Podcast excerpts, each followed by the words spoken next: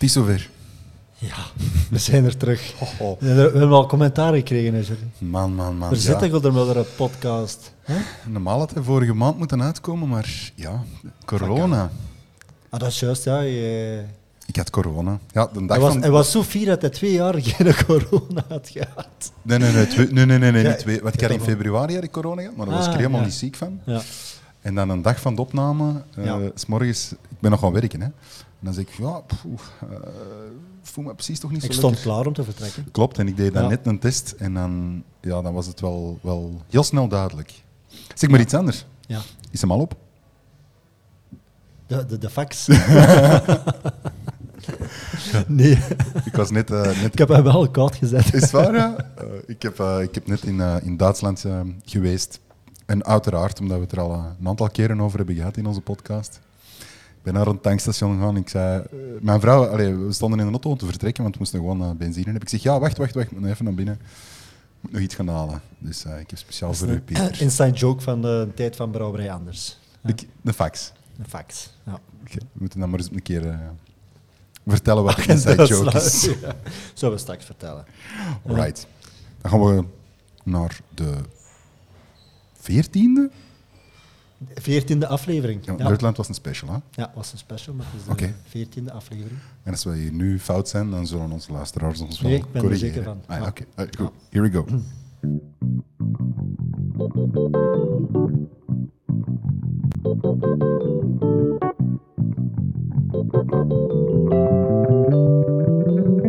Bierklap.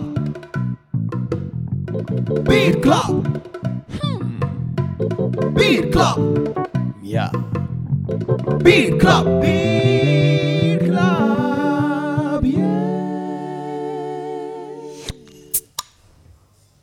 Blijft toch nog een mooie intro, hè. Ja, ja inderdaad. Zeg, je wordt verkeerd, hè.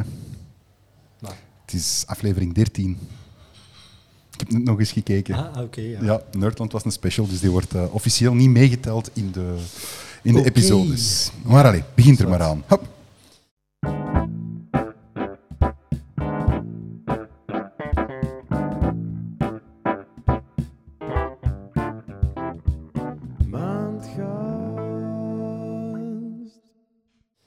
Onze maandgast. Onze gast van vandaag is 31 lentes jong en een ras-echte Limburger.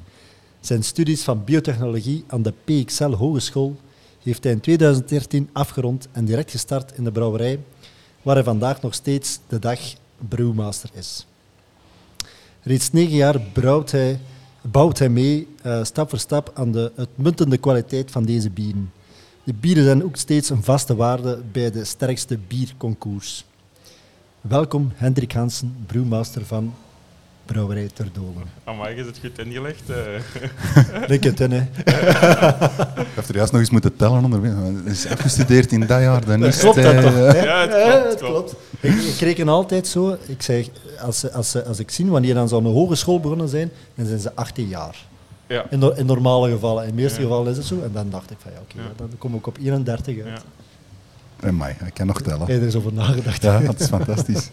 Goh, welkom dat je, dat je na zo'n lange onderbreking terug in, bij ons hier in de podcast zit.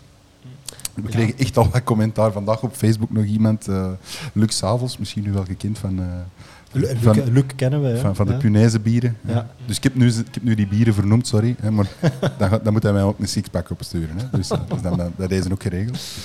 Nee, nee, maar eh, welkom Hendrik. Ik, ben, ik ben eigenlijk heel blij dat we hier een keer geraken. Want ja, Wat een setting. Het is wat ik net zei in de intro. Het is, het is een brouwerij met enorm veel sterke, goede bieren. Mhm. Ja. Bij ons in de streek misschien minder gekend. En dan eigenlijk kijk ik meer de streek van het Waasland, Oost-Vlaanderen. Maar hier in het Limburg denk ik wel een vaste waarde. In hè. Limburg zijn we echt wel een vaste Ja. waarde. Ja. Ja. We zijn eh, in heel België kunt je ons vinden, Ja. maar Limburg is wel echt onze thuisbastion. Hè. Daar zijn we goed vertegenwoordigd. Veel goede bieren hier eigenlijk in die buren. Hè. Ja. Ja, absoluut. Iets minder brouwerijen in Limburg is in de rest van België, maar Is dat zo? Ja? ja, dat denk ik wel. Ja. Als je dat vergelijkt met eh, de Ja. rest, de laatste jaren iets meer, maar Toch wel, ja. toch minder Ja. brouwerijen denk ik dan eh, de andere provincies. Ja, het zou kunnen. Ik, eh, ik heb er geen cijfers over, maar het zou, het zou perfect kunnen. Waar dat wel straf is, en ik vind dat, ik vind dat ook altijd leuk, Jan, onze bieren scoren ook wel goed in, in Limburg. Ja, klopt. Dat is heel opmerkelijk. Limburg en West-Vlaanderen. Ja, Limburg en West-Vlaanderen. Dat is zijn- uithoeken. Ja, dat is- Ja. maar over het algemeen, en ik heb, ik heb dat nog wel eens op een bierfestival heb ik dat ook eh, al, eens, al eens gezegd. Over, ik vind precies dat de Limburgers zo ja, meer speciaal bier-minded zijn of zo. Eh, Ik- West-Vlamingen ook natuurlijk, maar Moeilijk te zeggen, vind ik. Ehm, West-Vlaanderen hebben natuurlijk weer andere bierstijlen, die, hè, dat, dat, dat al bruin en dergelijke, Ja, die daar wel heel populair zijn. Hè. Rodenbach en, en Bavik en, en al meer. Die- dat type brouwerijen heb je hier in het Limburg zijn direct, ja, al- alhoewel, ja, brouwerij Martens, gigantische brouwerij. Ja, tweede grootste Eh, van België. tweede grootste van België. Alkemaas, mhm. ook Limburg. Ehm, ja, nog, hè, ja, Wilderen. anders, Wilderen, brouwerij anders, hè, inderdaad, niet te vergeten. mensen van de, de, de, een hophemel daar. eh, Op die- Hemel, zo de, de kleinere. Ah, er zijn er de laatste tien jaar wel een wel bijgekomen. bijgekomen. Ja. Maar jullie bestaan al even. Kompel, hè? Ja, Kompel, Ja, ja. ja, van 94 bestaan we. Van ja. 94. Allee, vertel ons, we vragen het altijd. Doe een keer een, eh, een A tot Z Het van... relaas, wat was het Ja, in voilà. 94, voordat de brouwerij hier was? Ja, in 94 was een beetje tegen de stroom in. Heel veel grote brouwerijen die overnames, overnames. En eh, minder en minder kleine brouwerijen. En in 94 is eh, Mieke dan met eh, hier de brouwerij Mieke de begonnen. Splinter, Mieke ja. de Splinter, ja. Zij eh, komt ook uit de brouwerswereld. eh, vader eh, kwam van eh, Uit het Gentse dan toch, dacht ik, hè? Of ja, Dentergem, van Dentergem. brouwerij Riva. Dentergem, even mijn uh, dat is tussen Aalst en Gent, of... Ja. eh, Ehm, waar het, dat ligt ook Ja. in West-Vlaanderen. maar, Ah, is dat West-Vlaanderen? Ja, ja West-Vlaanderen, maar de exacte ligging. Oké, nee, dan ben ik verkeerd mee Aalst. Ja. Goed. Maar ehm, van Dentergem Zwitbier. Ja, ja, en eh Liefmans heeft ook daarin gezeten Ja. in die, in die groep Klopt. en zo. En ehm, ja, haar vader eh, kwam vandaar en eh, had dan, eh, is zij hiermee begonnen. Is Aniek de Splinter dan een zus? Dat is een nicht. Een nicht. Ja. Oké. Dus allemaal links eh, met de brouwerswereld. Aniek hè. de Splinter voor de, de luisteraars. Hè? De brouwster of de eigenaarster van eh Grut bier. Ah ja, oké. Het bier Grut. Ja. Het is een kleine wereld, de Ja, dat is een kleine wereld, inderdaad. dus ja, Mieke de Splinter in 94. Ja.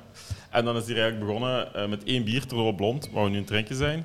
Ehm, Dus we weten dan eigenlijk nog niet dat we al bier aan het drinken zijn. als je op de brouwerij drinken we altijd. Beide altijd. Ja. Ehm, en eh, de brouwerij is begonnen dan in 94 en na enkele weken zaten ze zonder bier. De enorme toeloop eh, op de brouwerij die heeft toen nog in de kranten gestaan. Dat was hier al? Ja, ja, dat was hier al. Ehm, dus, en ehm, de brouwerij zonder bier heeft in alle kranten gestaan in heel België.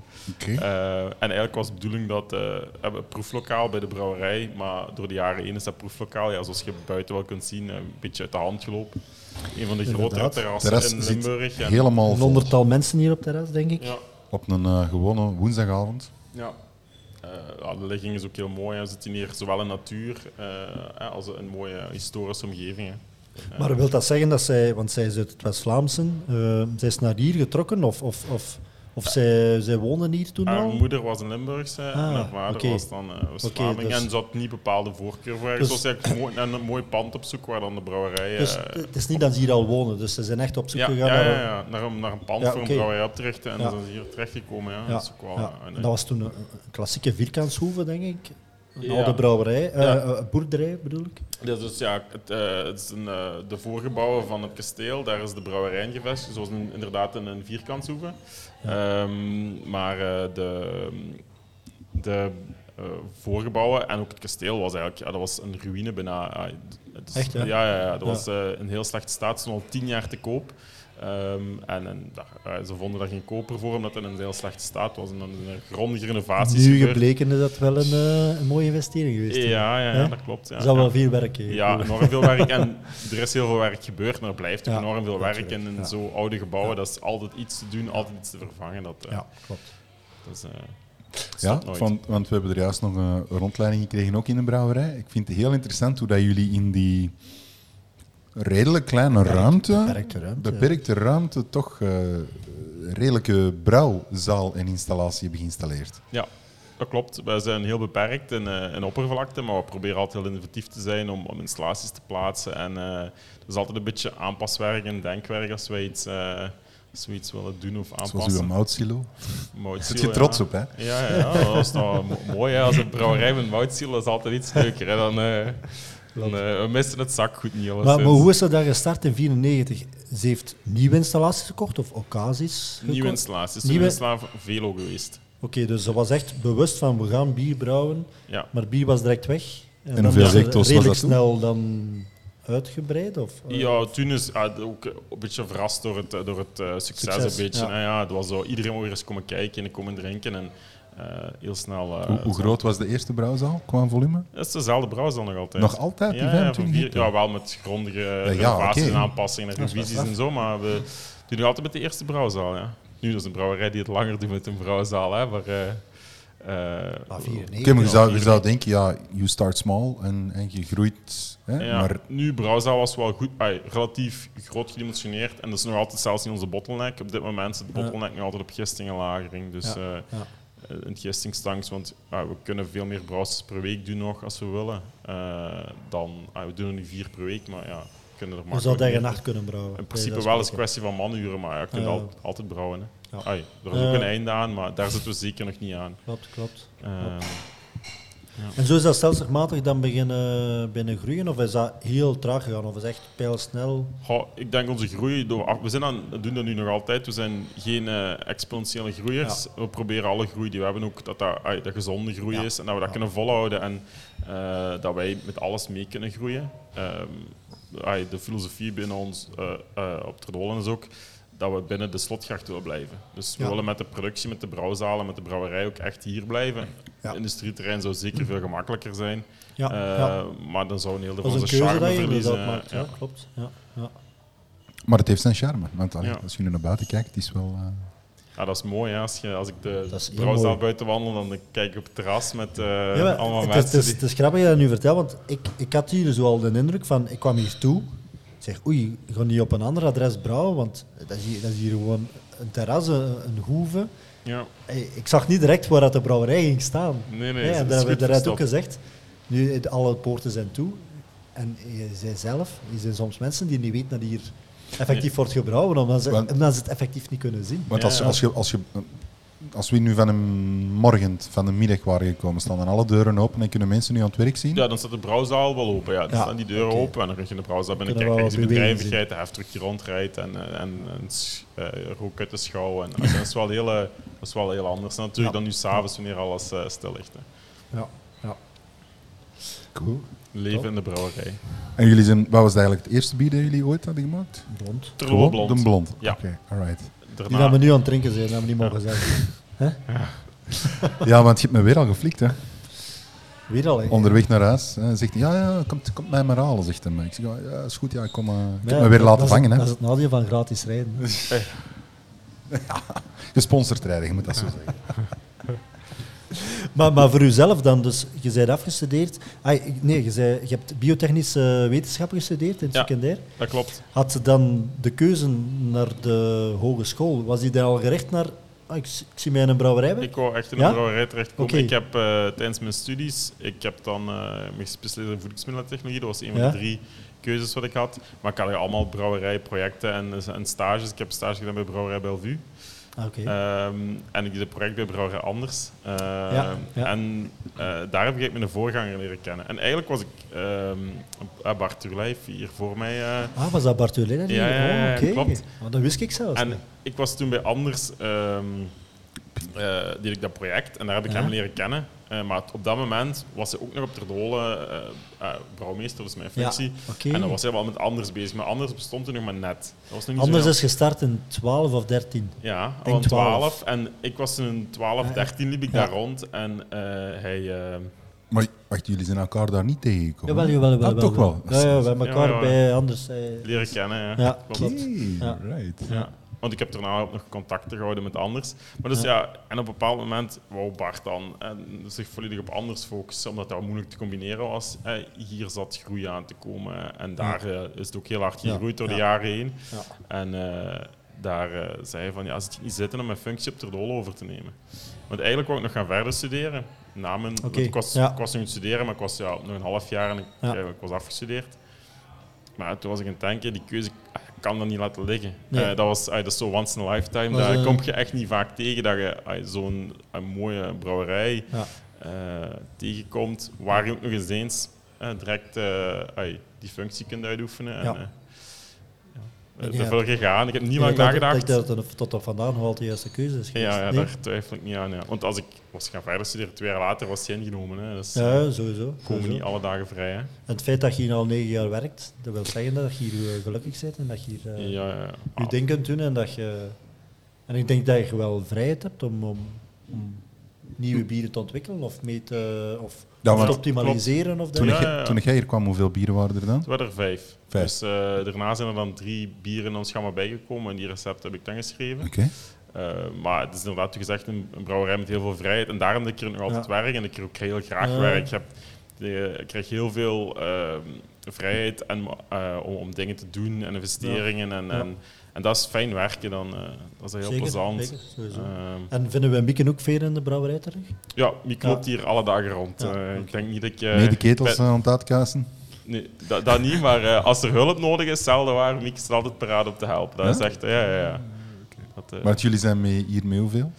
eh, we zijn hier met tien mensen in totaal. Tien? Tien. Ja, tien mensen. Ja, tien vaste en dan ehm, Ja, nog een 50, 60 tal jobstudenten, flexiejobbers voor de horeca. Hè. En ook wel een brouwerij ooit. Maar eh.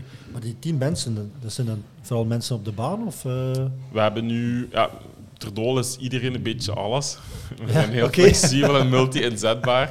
Eh, we hebben twee mensen die op de baan bezig zijn, ja, plus Mieke en ja, Ja. Ike ook. eh, die zijn Ja. ook wel een, op, eens op de baan hè, als er, voor klanten te bezoeken. ja. Ehm, maar dan uh, ja, die wordt ook magazijn gedaan en uh, aan de afgeleid staan sommige mensen. Dus we zijn met drie meestal in de brouwerij bezig. Ja. Um, maar ja, de, ook niet altijd alle dagen, soms wordt er op baan gedaan. Dus we zijn een kleine, heel flexibele brouwerij eigenlijk. Oké, oké. Uh, Ja. Met flexibele mensen. Maar als klein brouwerij moet je wel bijna. hè. Je kunt niet zomaar voor alles is iedereen al- vast te eh, Ik vind zetten. dat hè. redelijk- Ik vind dat redelijk veel, ja. pro- Produceer je op jaar. doen nu 5000 hecto. 5000 hecto's. Ja. Dat is ongelooflijk. Ja. dat is, dat is ongelooflijk als je de, als je de oppervlakte ziet waar jullie... Ja, hebben. ja. Ja, we zijn ja, op, de klei- op de oppervlakte is dat wel mooi. Ja. We zijn een, kleine in de grote en de grote in de kleine, zeg ik altijd. Maar ja, dat, en ze zitten zo daar ergens. We zijn niet heel groot, maar als je zo de, de hobbybrouwers of Allee. de microbrouwers hebben we toch al. Ja, Ik, ma- ik maak het vergelijken met, met een aantal episodes terug. Valduk, hè, die hadden, denk ik, meer plaats, denk ik, toch? Hè, Je zit Oh, er dat ook al wel geweest, denk ik. Ja, ik denk het anders ingericht. Het is een industriehaal en je zit, je zit, ja, dat is één grote ruimte. Ja. Ja, mocht niet vergeten... dat Maar die de- doen de helft van jullie, hè? Alleen nog niet. Oké, maar je moet niet vergeten dat de logistiek nog wel extern is. ja, ja, ja. Dus de, de warme kamer en dergelijke. Dus, De warme eh, kamer en alle opslag van vol en opslag, liquid ja. is op het industrieterrein. Ja. Dat is, dat is, verschieten mensen... Hey, verschiet ik zelf ja. altijd van, dat is, dat is meer dan de helft van uw brouwerij. Oh, maar ons magazijn is groter als, Ah, ja, onze, als onze brouwerij. Ja, ja. Ja. Want het is, het, is, het, is, het is knap wat we gezien hebben. Ehm, Absoluut.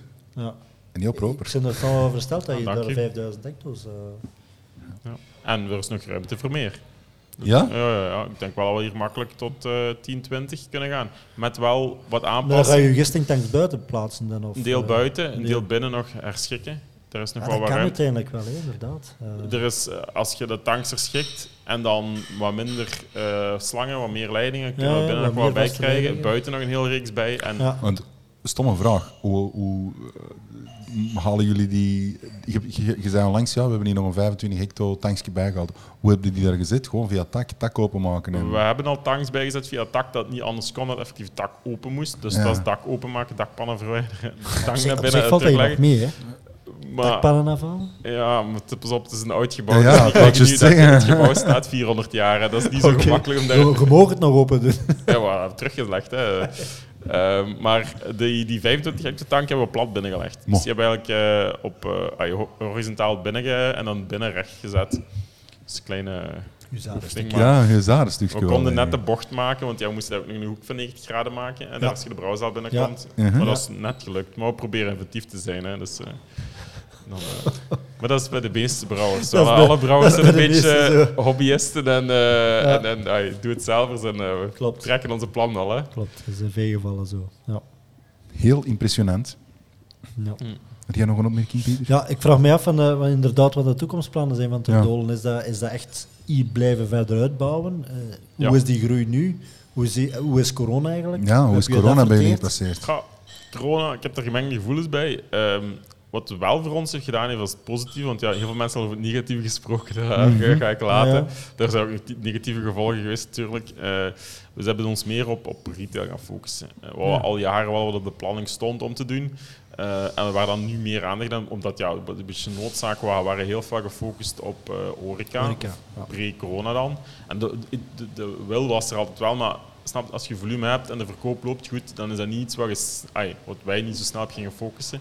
Dat hebben we wel iets meer gedaan nu. Ook om het beter te diversifiëren, is dat wel goed dat je een beetje overal zit. Dat je niet te veel... Ja, ah, want horeca, we hebben dat graag. Dat is leuke verkopen, mooie zaken zitten, dat is heel Ja, fijn. ja. Maar ja, toen merkte ik ineens, ja, van, van één dag op de andere moet dat allemaal dicht. Ja, dan zit, je- staat je daar. Hè. Dus moesten we zoeken naar andere oplossingen. Ehm, en daar hebben ze toen hard aan gewerkt om, eh, om, om, om de retail. Omdat, Dus nu, nou, twee jaar verder, staan we toch wel een heel wat meer eh, retail dan, dan ervoor. Eh, en ook een eigen webshop. Wat op, Ja, denk, ja. eh, op een maand tijd was er een eigen webshop. Dus eh, En hoe, hoe doen jullie dat?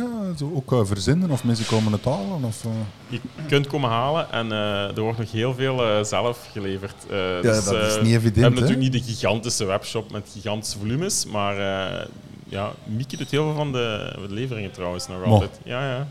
Die heeft eh, heel veel Maar kilometers. die rijdt toch Zeker- niet heel België rond voor... eh, Jawel, jawel, jawel. Ik probeer er wat te combineren natuurlijk. Als er eh, bijvoorbeeld een paar, als, als er een buiten uit de weg is, om dan een paar. eh, Ik doe dat ook. eh, Nee, nee, nee, eh, Safebeer bijvoorbeeld, Ja. dat, is, dat is bekeken. Dat is impressionant. Die doen België, Nederland, overal aan de deur gelegd. Ja. Dat vind ik echt waanzin. Ja.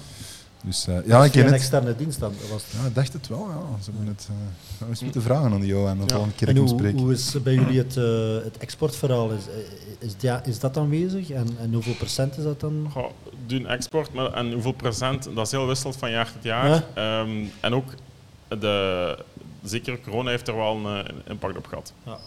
Daar is onze, ah, is, is redelijk wel weggevallen. Ehm, wij deden ook export naar Rusland. Eh, Ja. Dat is, ah, dat is al gestopt met corona eigenlijk, dus dat is daar redelijk weggevallen. Die hebben daar blijkbaar toch een redelijke impact van gehad. Ja. En eh, dat is nooit meer echt eh, opgestart. Ja, nu zeker niet meer. Nee. Want ik was er over laatst van verschoten dat ik nooit het verslag van de Belgische brouwers een keer las van 2021. Dat blijkt dat 70% van het Belgische bier geëxporteerd wordt. Ja, Ja, maar is dat dan van de wereldspelers of is dat van de kleintjes? Oké, Ja. maar 70% is wel veel, hè? Ik denk ongeveer dat we in 20% op dit moment aan export doen. En dat Ja. is veel Italië, Nederland en, en Engeland. Daar Ja. zitten we redelijk veel. Ah, Eh, Engeland nu, nu ook nog altijd? Met, Ja, ja dat, ah, dat loopt nog altijd goed. Ja. Daar mogen we niet van klagen. Amerika? Dus, eh, Amerika? Nee, op dit moment niet. Nee. Daar hebben we ooit wel Dus- eh, wat containers naartoe gedaan toen ik er pas bezig was. Ehm, maar ja, wij zijn- een biermerk met een aantal vaste waardes. En daar vroegen ze altijd achter iets nieuws en zo. En dat is niets wat wij zo, Nee. zoveel deden. En, Ja. Ja. ehm, Maar Italië is Plus, inderdaad ook wel... een- Wa- wa- wa- wij zijn een kleine brouwerij. We hebben niemand die fulltime op export Nee, zit. nee. En dan merk je dat als je contacten eh, niet zo goed kunt onderhouden, dat dat, dat heeft invloed. Ja. hè. Dat is, maar wij zijn ook een beetje van de filosofie. Wat bij de korter bij de deur verkocht is, is het altijd gemakkelijker ook om die contacten te onderhouden en om een keer Zeker, langs te gaan. En, eh, dat is, Ja. eh, het is de gemakkelijkste eh, om te onderhouden. Hè. En sowieso hier het, eh, het, de, de, de, het terras en dergelijke, dat, eh, Het zal het dat beste is ook café niet- zijn in jullie portfolio. Ja. ook niet te ontkennen de meerwaarde van, van zulke... eh, Ja. ja, dat is een mooi uitbang, uithangbord voor ons. Hè. Dat, zo de, onze Ja. horeca, dat is echt... eh, Ja, want jullie zitten hier in, je hebt dus straks gezegd, en daar verschoot ik wel een beetje van. Jullie zitten de tweede of de derde meeste hotelovernachtingen? In de of- meeste overnachtingen, hotel Van niet alleen, België. maar we hebben ja, een paar grote vakantieparken in de buurt. Ehm, eh, niet wijd als er dolen een meeste overnachtingen, hotel Helcht, Ja. voor de duidelijkheid voor de luisteraars. Dat zou wel een heel Ik extreem kan niet blijven slapen hierin. Dat heeft ooit gekund, maar Ah, nu niet meer. Eh, vroeger hadden we een eh, B&B Oké. en eh, die, dat is nu een escape room, dus Ah, je, oké. kunt- je kunt niet blijven slapen, maar je kunt er wel laten opsluiten. Oké, maar ja, ja, inderdaad, want je hebt hier eh, zoals, zoals een parktoestanden en Ja, centerparks ja je in hebt de buurt. ehm, eh. en Molenheide, je hebt dan ook nog Hengelhoeve en Kelchtroef. Ja, je hebt hier echt wel ja. heel veel eh, grote vakantieparken, een paar en de Hotel Heiligter. Dus vooral in de zomer en vakantieperiode is dat eh, alle dagen zoals dit. Ja, ja, in de zomer als het mooi weer is, hebben, ja, is het vol hier. Dan eh, hebben we heel veel toeristen wat langskomen. En, eh, Top. Heel fijn. Ja. Heb jij nog vragen? Heb jij vragen voor ons? nee, niet direct niet. Dan gaan we nog eens iets bijleren en dan eh, gaat de Pieter ons vandaag Oei, oei, oei, ja. eens iets nieuws aansmeren. Hè? We gaan een nieuw topic eh, beginnen. Hè. Dus, ehm, we hebben ons gefocust de laatste keer op het pasteuriseren. Nu gaan we eigenlijk naar het, het afvullen. Hè. Dus, eh, vandaag zal het meer zo wat globaal een overzicht zijn. En de volgende aflevering gaan we daar wat dieper op ingaan. Hè. Oké, dan gaan we direct over naar de volgende rubriek. I'm on the road. Yeah, I'm on the road. Yeah, I'm on the road. Yes, I'm on the road to be. Yeah. Allee, Ja. de educatieve Ieder gedeelte. Ja, ja. We zijn er bijna. Normaal hè, duurt dat ongeveer... Hoe lang duurt dat, Hendrik? Hier dat je er van brouwen aan het afvullen bent? Een viertal weken? Ja, drie, vier weken, ja. Wel, we zijn al een jaar en een half bezig. is goed gelagerd. ja. Dat was het vorige, hè, het lager. Nee, nee. nee. Hij is drie maanden aan het pasteuriseren. Smaak gaat top zijn. Dus eh, nee, we gaan beginnen aan het afvullen. Ehm, ik ga er vandaag heel, heel sumier over zijn en meer een, een overzicht proberen geven wat dat eigenlijk ehm, het afvullen inhoudt en wat, wat, wat, wat, wat daar de gevaren van zijn en wat daar de, de, de, de problemen die zich daar kunnen eh, in optreden en wat dan ook. En welke manieren dat we hebben om ons bier af te vullen. Om het even bekijken. En de, en de volgende aflevering gaan we daar wat technischer op ingaan. En technischer bedoel ik van ja, hoe, hoe gebeurt dat nu effectief? Hè? Hoe, als die fles in een vulmachine gaat, wat gebeurt er eigenlijk allemaal in die fles? Dat ga ik voor een volgende aflevering aan, want daar, daar moet ik mij wel een beetje op voorbereiden. Ehm, maar dat is wel heel interessant. Ehm, maar ik wil vandaag ook eens een overzicht kunnen geven, zodat dat, elke luisteraar een beetje een overzicht krijgt van ja, maar op welke manier kunnen we nu eigenlijk afvullen? Je zou een teaser ontgeven. Ja, ja, ja. Eh, Voor de volgende aflevering Ja, ja, inderdaad. Oké, let's Maar, go. maar enerzijds, hè, we, we kunnen afvullen op fles, hè, dat weten we allemaal. We kunnen afvullen op blik. We kunnen afvullen op Plastic. plastic vaten, eh, petflessen. Hè. Ja. Eh, we kunnen afvullen op vaten en we kunnen afvullen op wegwerpvaten. Ja. Eh, wat er dan ook nog eh, in de markt is, is, het afvullen op 5 liter vaatjes. De perfect drafts van deze wereld? Of Ja. hoe- ja. Ja, de perfect drafts. En ook wat meer en meer ehm, in Alkemaas is er wel heel fel op inzetten. Dat is eigenlijk het afvullen, maar we kunnen dat niet echt afvullen, maar dat is eigenlijk het, het bier ter beschikking stellen in tanks van dank, ik- 500 liter, 1000 waar liter. zijn we naartoe geweest, Pieter? Ah, Pukkelpop. Nee, ook. En maar wat zijn wij samen, onze teambuilding? Ah, eh Ramstein. Hè? En wat, stond, wat was daar? Ja, dat waren de bulkwagens. Hè. Dat waren van, de eh, bulkwagens van 250 hectoliter. Hè. Dus rechtstreeks van de bulkwagen tappen. Eh, maar ik heb het nu, Ah, waar ik sorry. meer over sprak, was over de 500 liter tanks, de 1000 liter Ah, ja, ja, tanks. ja, de- die in die, cafés, die meer en meer in, in de tanks. ik weet niet wat in jullie daarmee werken. Nee, we hebben daar wel vaak over gesproken. Ja. Maar Ik vind, ik, vind het, kom daar straks bij de, de bieractua, over, als we over biercultuur nog eens gaan praten. Eh, dat, dat is heel specifiek in België, die beleving rond dat bier. En dat, dat vind ik wel een hele mooie match. Hè. Dus dat afvullen in die inoxen tanks, dat ook weer zo een beleving kan zijn als je op een terras zit en eh, bier rechtstreeks van een tank.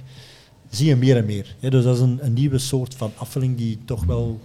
eh, Overgewaaid is? Of hier ontstaan is? Dat durf ik niet zeggen. Als het overgewaaid is, zou ik ook niet direct weten van waar dat komt. Maar ehm, ik denk dat dat wel een beetje meegegaan is wereldwijd in de, in, de revival die een beetje gecreëerd is door de Amerikaanse kraft. Die er een nieuwe elan aan gegeven hebben aan, aan craft. Eh, dat dat wel een beetje is eh, eh, teruggekomen of, of dat terug wat meer in de aandacht is gekomen.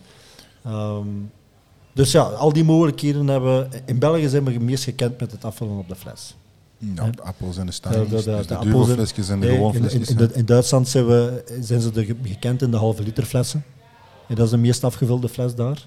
Dat, is, dat is bij ons geen standaard fles. ja, ja, de Of, de, of de, de Paulaners, de de, Veel pet. Heel veel pet, inderdaad. Duitsland? dan- Duitsland, heel veel pet. Als we dan nog eh, verder gaan naar eh, Tsjechië, Tsjechië, dat is allemaal daar gaat pet, het overwegend pet worden. Ja. Eh, ook niet te vergeten in België. Pils wel, hè? Brouwerij Martens hier in Limburg vult ook heel veel pet af. Maar, Maar dat dat is voor de Duitse markt. Ja, ja. Maar dat is pils, hè? Dat is pils, maar dat is ook in Duitsland zo. Hè. Duitsland, Tsjechië eh, spreken we meestal ook over pils. Hè. Ja. Maar, Ehm, komen we straks nog weer bij. In België zitten we natuurlijk met een heel breed gamma aan speciaal bieren. Ehm, vandaar ook dat wij werken ook met die, eh, voornamelijk de Apple 33 fles of de Steiny fles, beter gekend als de Duvelfles. Ja. Die, eh, die geschikt is voor een hergisting op de fles. Wat wil zeggen dat dat tegen iets hogere drukken, eh, want onze bieren in België zijn redelijk hoog gesatureerd ten opzichte van andere bieren in de wereld. Dus ons flesje moet iets meer druk eh, Kunnen weerstaan. kunnen weerstaan. Vandaar ook die, die retourflessen van Apple ehm, en de Steiny. Dus dat is een klassieke manier van afvullen. Ehm, om daar even op in te gaan, eh, alles moet afgevuld worden. Hè. Alles wat je in de winkel vindt, ehm, van dranken, van ehm elixiers, van sterke dranken, tot eh, puddings, tot wat dan ook. Hè. Dus het, het vulgamma over de voedingsnijverheid is, heel divers. Dus, er, dus voor elke type product heb je wel een, een, een type vuller nodig. Eh, en als we specifiek naar bier gaan kijken, kunnen we dat eigenlijk opsplitsen in twee typen vullers. Ehm, wij noemen dat in België meestal de gravitaire vuller. eh, of de isobaric vuller, dus de tegendrukvuller. Uh, ik weet niet waar jullie mee werken hier in? Tegendrukvuller. Tegendrukvuller. Hè, om, om, om al kort het verschil te geven. In tegendrukvuller is het mogelijk dat we eigenlijk, ehm, ehm, als we de flessen gaan vullen, dat er eigenlijk een continue druk zit tijdens het vullen op het flesje, waardoor dat eigenlijk de CO2 die aanwezig is in het bier, dat die daarin blijft. En dan kunnen we, en dan de kunnen we naar eruit. En de zuurstof, ook een Heel heel belangrijk. belangrijke. En wat heeft dat als voordeel? Eh, dat we een alcoholvrij bier of een pils kunnen afvullen waar we geen hergisting op doen. En dan kunnen we gewoon direct zeggen, maar kijk, wij willen zoveel gram CO2 op onze fles. En dan zit dat erop. Dan heb je de, je CO2 aanwezig in je bier. Want je pompt dat er ineens mee in, of hoe... Het vullen gebeurt continu onder druk. En wat wil dat zeggen, continu onder druk? Dus er wordt continu een, een druk ge- gegenereerd, waardoor dat er CO2 die in je bier zit, niet uit het bier kan. Omdat die druk daar is. Dus dat is En hoe, hoe, hoe, hoe sluit je dat dan af? Dat is allemaal eh, volledig... eh, Maar hoe is dat? Allee, dus je hebt dat flesje, dat komt door dat machine. Er komt Dat is een carousel, hè? Ja, en er komt Ja. zo'n staafje in, eh, Ja. vermoed ik. Ja. Een tegendrukvuller. Maar, van boven die- is dat toch open, dus die druk ontsnapt je nee, dan niet, nee, of hoe zit nee, dat nee. dan? Ja, dat is, dat is, maar dat is het technische wat we volgende keer op ah, ja, oké. Maar eigenlijk, heel het, heel het circuit tijdens het vullen is er een bepaalde tegendruk. In veel gevallen is dat rond de 2,5, 3 bar. Zo, op, op die manier, maar vanaf dat de druk wegvalt, gaat die CO2 er ook uit. Nou, ja, nou, dus, Ja, dus ja. dat is de reden waarom dat we eh, tegendruk vullen, maar inderdaad, kwalitatiever is... eh, een tegendrukvuller is kwalitatiever dan een gravitaire vuller. Natuurlijk hebben we het voordeel, of eh, het voordeel van gravitaire vuller. gravitaire vuller is natuurlijk zijn veel goedkopere vullers. Dan gaat eigenlijk het bier gravitair in de fles lopen. Je hebt daar nog een onderscheid in of dat je dat eigenlijk je flessen gaat voorspoelen met CO2 of niet. Om oxidatie later in het bier te, vermijden. Natuurlijk, als we hergisting op de fles doen, wat, we, wat een, gangbare praktijk is hier in België, ehm, helpt dat wel om die zuurstof die daar die gravitaire vulling daar wel in komt, om die wel, ik, zal, ik, kan, ik kan nooit beweren dat die er 100% uitgaat, maar grotendeels wordt die wel terug ehm, eh, verwijderd door de gist die er ook in zit, die nodig is voor die hergisting.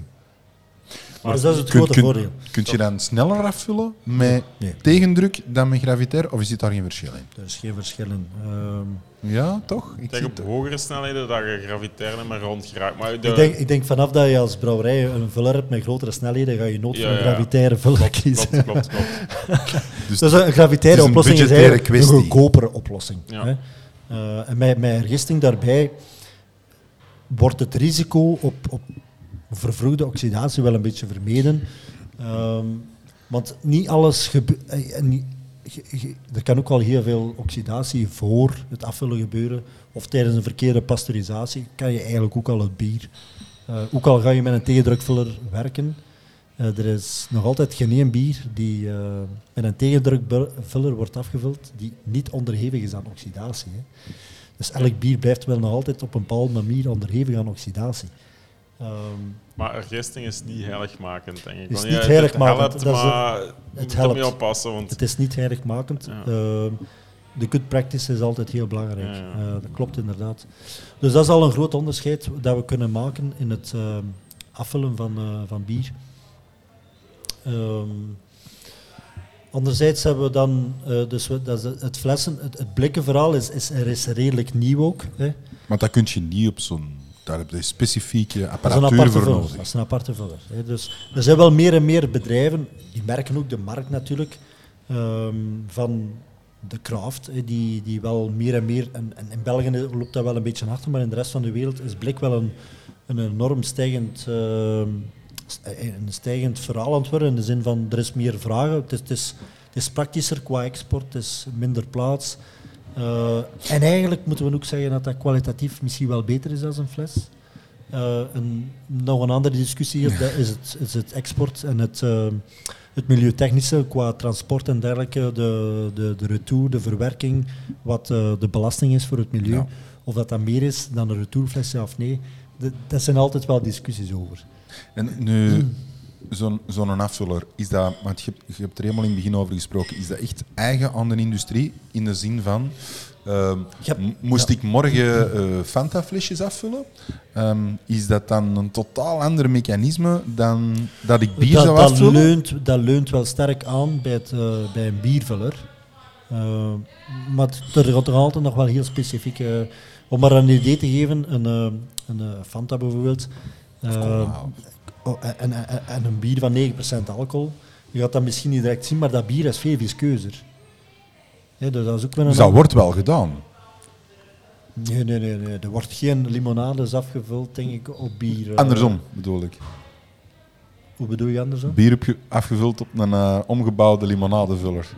Ik denk, ik ben er vast van overtuigd dat er Dat zal wel gebeuren. En ik denk ook dat je frisdrank op een biervuller kunt vullen. Dat, dat, dat, dat kan. En, en zeker brouwerijen die, die beide doen. Wat minder is de, denk ik, tegenwoordig. Maar, De, en de vroeger was dat- Amerikaanse root beer toestanden. eh. Maar nee, vroeger hadden heel veel brouwerijen ook eh, frisdrank. Hè. En dan spreek ik over vroeger. En dus nou nog wat het hebben. hè. Onlangs was er toch een, die waren ermee gestopt. Hè? Maar, maar, maar, ik- maar om, om maar even erop in te gaan, ik ben ook wel een verschil. Als ik zelf eh, een bier van 5% eh, alcohol afvul, of een bier van 9% alcohol, ik moet aanpassingen maken aan mijn vuller. Ja. Ja, ja. En- Vultijd, eh, pre-evacuation, daar komen we later nog op toe. Eh, dus dat zijn die technische stappen, je moet daar wel wat op aanpassen. En dat je, dat te maken met de densiteit van je product. Ehm, en de of hoeveel schuimstabiliteit. CO2, hè. schuimstabiliteit, Dat hoeveel, doet heel veel. Hè. hoeveel, hoeveel ehm, Maar daar heeft CO2 geen invloed. Of dat je met een graviteren of een tegendrukvuller de schuimstabiliteit of, of, of, of stel ik nu... Ik, eh, eh, ik, kan, ik kan daar niet direct een antwoord op geven, maar ik ben wel overtuigd dat dat wel een invloed kan hebben op, eh, op een bier. De kwaliteit van afvullen. Ik, ik, weet nog altijd goed, toen er mensen bij anders kwamen Want- solliciteren voor een operatorvuller, ik zei altijd tegen hen, ik zeg, onthoud wel goed, je kunt je niks goed doen. Hè. aan, de, aan de vuller kun je niks goed doen. Hè. Zeg, ja, is niet aan een vuller, een bier dat, dat slecht gebrouwen is of slecht geprocessed is, ga je niet meer goed maken aan een vuller. Je kunt dat niet meer slecht maken. ja, Ja, dus, dat er- gezegd. dus- ja. dus- dus- dus- dat is wel een, een belangrijk... Het, Maar- het is een kritische stap. Want, je bent nu bezig de hele tijd over het afvullen op flesjes, maar je hebt natuurlijk ook nog, nog, nog een afvuller. Hè? Dat is dan een vatenvuller. Hè? Een vatenvuller, ja, ja. Dat is ook natuurlijk... eh, Hoe werkt zo'n mechanisme? Want eh, allee, ik zeg altijd hier, oh ja, een, een vatenvullerke. Hè? En dat is dan precies, wordt dat, allee, ik vind dat waanzin hoe dat, dat precies geminimaliseerd wordt, zo, precies een vatenvuller ten opzichte van technologie een erachter is wel, is, wel, is wel impressionant en, en, en moet ook wel juist zijn. Het is ook hè. veel compacter.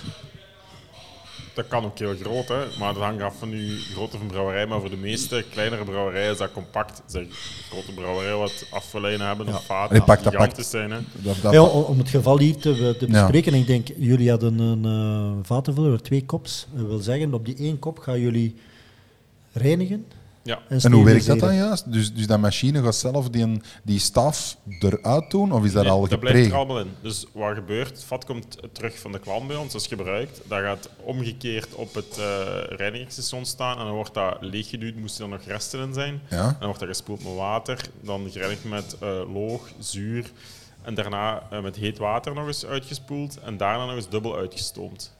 En dan is dat vat eigenlijk maar- helemaal gereinigd. En, maar hoe, hoe snel spreken we dan? Want ik zie meestal op zo'n afvullunch... Ja, links zie ik dan zo dat, afvu- allee, dat, dat, dat reinigerke, denk ik dan. En rechts de afvuller. Ja.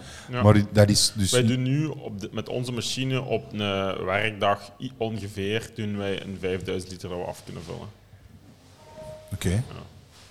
Dus uh, in 1050 zijn 250 liter vaten. van- Ah, ja, ja, Van ja, 20 ja. liter, 250 vaten. En dan van het moment dat dat gereinigd is, gaat dat naar het volgende station. En daar wordt het Maar eigenlijk... dat is vlak ernaast eigenlijk. Dat is is, vlak dat, ernaast, dat, vullertje. Maar dat is niet omgedraaid dan waarschijnlijk. Ja, maar ook, jawel. Ook omgedraaid ja, gevuld. Vaten worden ondersteboven Ja. gevuld. Ja? Ja. Dus dan wist je dat, ja. ja. Voor mij toch. Ja. En wat is daar de reden van? Wel, je moet eigenlijk, dat is ook weer heel technisch, maar je moet eigenlijk die vatenkoppen, om die te reinigen en te vullen, je moet dat eigenlijk zien als een tapkop. Hè?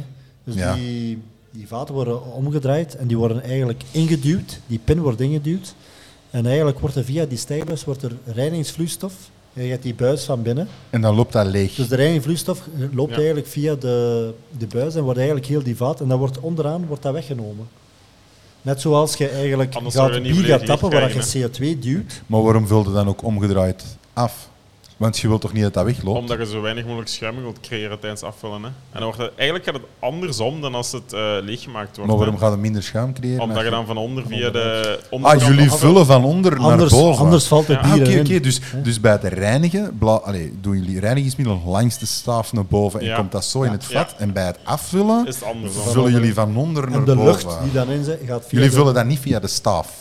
Nee. Nee, nee. Oké, maar ja, Ja, ja, ja oké, maar dat is een goede vraag. En eigenlijk voor de rest is het een tegendrukvuller. hè. Dat vat wordt op eh, druk gezet Ja. en dan wordt eh, gespoeld met CO2 en daarna onder tegendruk afgevuld. Hè. Ja. maar. Maar je zou het ook perfect, en er zijn ook brouwers die eigenlijk gewoon aan hun, hun tank Ah ja, rechtstreeks Een darmpje erin en, en, eh, een vatje vullen. Hè? hè, Ja. zijn er ook hè, die eigenlijk via de stang vullen. Maar dat zijn Ja, dat kan ook, hè. Ja, dat kan ook, want je doet van onder Nee, ook maar gewoon rechtstaand. En zo kun jij ook uh, vaten wordt dat heel vaak gedaan. Hè. Bij wegwerpvaten wordt dat hier ver gedaan. Ja, want met wegwerpvat hier gaan, gaan jullie ook eerst helemaal spoelen of Nee, zijn nee, die nee, die, zijn, die komen, zou- zouden ook niet aankunnen. Hè. Ons, eh, Dus rechtstreeks omgedraaid, Ja. omgedraaid op dat spel, pst, Ja. vullen, weg. Zou er ook niet met, met warme vloeistof in kunnen, want daar gaat die plastic... eh, Ah, ja, uiteraard. Ja. dus, eh, en dan heb je ook nog de mogelijkheid Ah ja, op de hergisting op de vaten. en iets, en iets heel gek. Ik heb dat... Ik heb dat Doen jullie dat- hergisting op de vaten? eh, wij doen nog gisteren op onze wegwerpvaten. Ja. Oké. Eh, op onze um, retourvaten doen wij dat niet om de reden... Voor de gistbelading aan de... Ja, de gistbelading bij reiniging. We zouden ons reinigingsschema zodanig moeten uitbreiden. Want de vraag is, je krijgt een gistafzetting op je, op je vat. En als dat vat eh, een, een maand later of een half jaar later terug op de vatenvuller staat, ga je geen probleem, probleem. staan. Maar van het moment dat dat een jaar of twee jaar of drie jaar in de zon gestaan heeft, wat kan gebeuren? Want waar blijft het soms Ja. staan, vaten? Soms Ja. komen hier vaten terug die tien jaar weg zijn geweest. Hè. Dat je Ja. wilt niet weten waar een vat blijft hangen soms. Waarom Eh. doet hij dat dan wel op plastic vissen? Omdat dat weg is, dat moet niet meer terugkomen en Maar geeft dat een extra smaak aan? het bier? Ja, toch wel. Door die ergisting gaat je een, een betere houdbaarheid krijgen. Hè. Sowieso Maar- gaat je nog iets... Maar ik vind van Maar dat smaak gaat dat ook- niet meer druk geven ook op uw vat? Nee. Dat berekende, hè. Dat berekent jij. Welke, waar jij wilt uitkomen. Hè. Oké. Heel belangrijk daarbij, uw Ja. bier moet uitgegist Ja, zijn. ja, ja, dat wou ik wel zeggen. man. Heel Maar ja, we Uw lachen er altijd mee, maar... Uw Ja. proces moet goed onder controle zijn, dat is een feit. Zeker bij wegwerpvaten, want ja... eh, En, en, en is iets, dat is iets wat ik in Barcelona toen heb gezien, heb ik ook nog nooit gezien. Dat hebben we eigenlijk ook nog niet gezegd. Er kwamen die mensen die, die, die, die flessen eh, hervullen. En jij zegt, oh ja, dat is... Met die growlers. Ja. dat Is ook trouwens. hebben jullie dat hier ook? Dat we is hier, eigenlijk gewoon hier tappen, Ja, Dat is die- eigenlijk gewoon tappen. ja, ja, we tappen die volle. Maar ik vind Wat, wat is een growler? Dat is een... Dat zijn zo van die... Je hebt er verschillende maten, we hebben vaatjes van 3 liter. eh, of 3 liter en een half, denk ik zelfs. Van die koperen dingetjes zo. Ja, van die koper, Koperlook. Ja, dat is koperlook. Dat is Ja. iemands vatje met kopercoating. En eh, dus wij tappen er vol. En er is een CO2-capsule van bovenin. Dat wordt dichtgeschroefd. En kunnen mensen eigenlijk... Er is een tapkraantje op. En kunnen mensen eigenlijk tappen op de tafel zelf. En dat is wel een heel leuke beleving eigenlijk. Dan kun je Ja. zo'n vatje bestellen hier op, eh, bij ons in de horeca. En dan kun je samen met pakken vragen vijf of... Aan tafel. Is niet eens men raast nemen.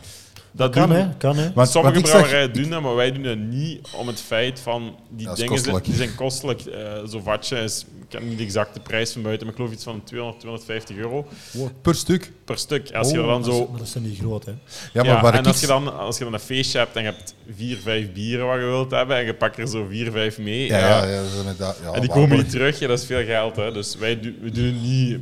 Maar waar ik zag in, in, in Barcelona, in die, in die Moritz brouwerij, heel leuke brouwerij trouwens. Als je in Barcelona zei, zeker is vast langs gaan. Heel leuk. Ehm, die, dat was precies, die kwam in een glazen fles. Of ben ik nu... Ja, die mens die toverde net zijn rugzak precies. Oh ja, fles. Ah, dat Dat kan, kan hè. bier- kan aftappen op... eh, Kan een plat bier geweest zijn, hè? Bij, en bij de, bij de Lambiek eh, dingen komen mensen ook nog in glazen flessen bier halen. Dus misschien iets minder courant deze dagen, maar vroeger werd dat vaak gedaan. Ja. die mens die zei, want die runde dus die, die shop en die zei, ja, dat is pff, bijna 60% Ja, maar ja, mag van dat, onze mag dat omzet. ook niet vergeten, maar in België zijn wij enorm Klassiek. ver- verslaafd aan CO2. hè. Ja. Onze bieren hebben enorm veel CO2.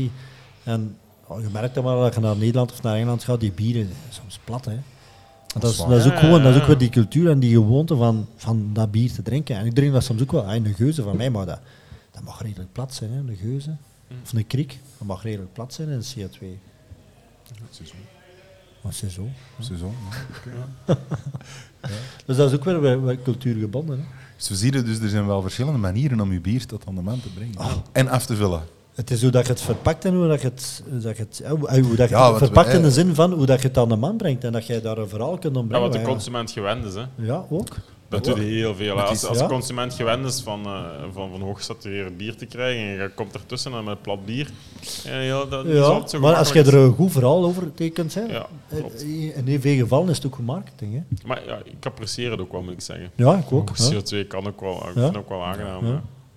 Hoeft niet altijd... eh, CO2. Ja, ja, ja. Ik, ik, ik apprecieer totaal geen CO2-arme bieren. Dat, eh, Nee. ja, Engeland is voor mij bijvoorbeeld zo'n no-go-zone. Als ze zo Ik, vind het heeft ook veel voordelen. Hè. Eén naar bewaring toe. Ehm, CO2? heeft- ja, het voordelen. Hè. Eh, en ook, ik vind altijd... ik kan het niet bewijzen met een onderzoek of zo, maar ik vind qua subjectief dat het de, de geur en de smaak beter uitbrengt. Als, je, als ik hetzelfde bier bijvoorbeeld net voor, eh, op de helder biertank voor saturatie of zo, en ik proef dat, of ik proef het erna, na saturatie, de aroma's, volgens mij, eh, ik heb er geen onderzoek naar gedaan, nogmaals, maar volgens mij komen de aroma's beter uit omdat die mee opgenomen worden door de CO2-bellen die ontsnappen uit de vloeistof en die pakken daar vluchtige aroma's mee. En die, volgens mij brengt beter de neus in en, en tijdens drinken. Ja, maar ook zeker niet de, de, de aroma's. En het is me niet mee, maar de aroma's die tijdens een ergisting worden gemaakt. Ook. Maar ook niet, want ik vergelijk dat altijd met, met, met bier op vat of, of hetzelfde bier, ergist op een fles. Een gigantisch verschil. En Dat is een ander bier. dat is, dat zeker CO2. En dat is ook dat, dat mondgevoel, hè, want CO2 is ook koolzuur. Dus dan krijg je ook een, een- het, het woord koolzuur zit er dan. hè, Dat zurige, dat, dat, die balans. Maar ja, het, het, het, is een, het is een matrix. Het is niet alleen dat. eh, Het, het zijn verschillende factoren die er wel toe bijdragen. En ik zou me ook nooit kunnen voorstellen, ik weet niet of dat zelf bestaat, maar een Westmaal een triple op vat. Je gaat nooit die, diezelfde, die, die, die frisse banaangeur, die, gaat er volgens mij, die kun je volgens mij nooit krijgen op, als je een Westmaal op een We gaan vat er toch eens moeten langs gaan. Hè. Ja, dat toch eens moeten. Maar ja, of va- Ik weet vaat- het niet. Ik weet ja, vatenbier, oh, nu we het toch over het afval hebben. Ik, eh, ik, ik heb daar gemengde gevoelens. Het kan ook heel goed zijn, hè, vatenbier. Ja, een mooi Maar dit bier is toch, waar we hier drinken, is toch bijna allemaal vaten Ja, bier. want van- vanier is het eh, allemaal vatenbier. Maar waar ik altijd een beetje, als ik er als, als dan eh, brouwmeester en kwaliteitsverantwoordelijke altijd huiverig op ben, een flesje, weet ik, dat komt aan tafel, bij de mensen, dat is goed. Ik weet wat ik gedaan heb, ik weet dat dat goed op tafel komt. Ja. Van het moment dat je met vatenbier zit, is het altijd afhankelijk van de tapinstallatie van de zaak waar het staat. En dat kan heel goed onderhouden worden, maar dat kan ook heel slecht zijn. Als je dan in de, in de, in de parochiezaal of in de dingen met je bier zit, ai, je weet ook hoe het eraan Ja, toe gaat. Hè. zegt, Dat wordt klopt eh, zondag de kraan toegeduwd. En, eh, en, en binnen twee weken, volgend weekend is er niks te doen. En binnen twee weken staat Ja. hetzelfde bier nog altijd op de leidingen. En het is al drie maanden geleden nog gereinigd is. En dan krijg je bier in het drinken daar. Hè. Ja. En, en dat vind ik altijd het nadeel van vatenbier. Ik kom Dat ook je- terug, eh, je hebt niet alles in handen. Tot het bij de klant komt. Dan komen we terug bij hetgeen wat Pieter zegt. Drink nooit het eerste pintje morgens in het café. Ja, ja hier wordt alles er een, stuk of 10, 15 tappen. eh. Ja, hier wordt alles afgetapt bij ons in de brouwerij. Maar ja, je weet ook, dat hoor ik, dat wordt niet overal gedaan. Hè. Dus ik Ja, denk dat er meer zijn waar het niet gedaan wordt dan waar het wel gedaan wordt. En Klopt. dat is niks, ja. Ja, klopt. Ik heb er eh, weer al dorst van gekregen. Ook al ben ik Bob. Ah. En we gaan, want- we hebben hier nog niks gedronken, hè, Pieter? Nee, nee, nee. nee. Nee, nee, nee, nee. Dus eh, Ja. tijd voor het bier van de maand. Ja. Ja? Of hebben jullie nog opmerkingen over eh, het afvullen? Ja, nee. Volgende keer gaan we Volgende keer gaan we er eh, dieper op in. Ja. hè? Je kunt Ja. daar maanden over praten, denk ik. Ja, maar, eh, inderdaad, inderdaad. Kijk, ik nodig je uit voor de volgende aflevering dan.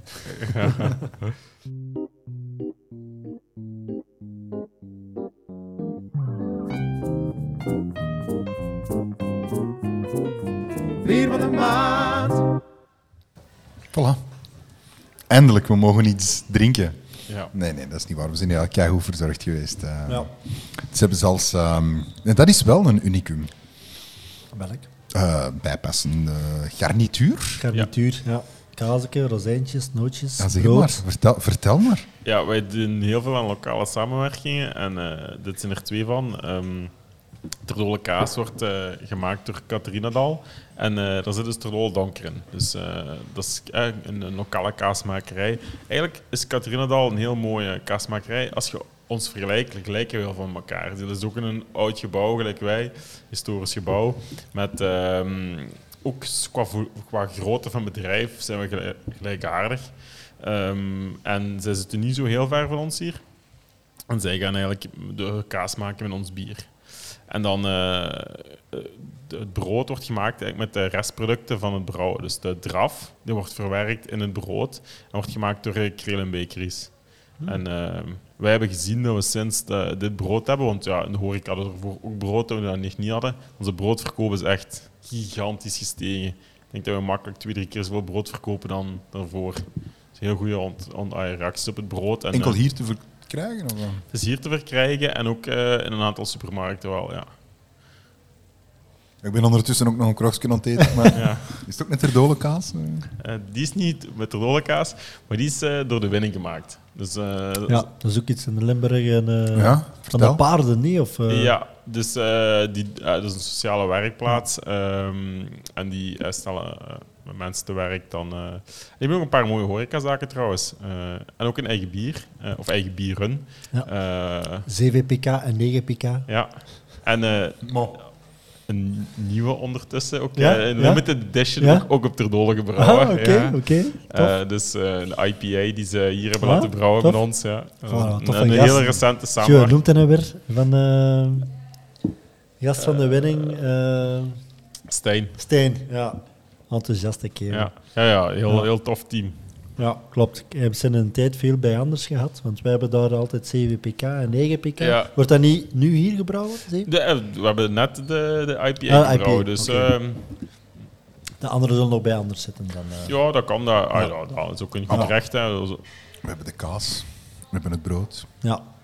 En welk bier hebben we? Terdol Armand. Oh. Mijn favoriet. Ja.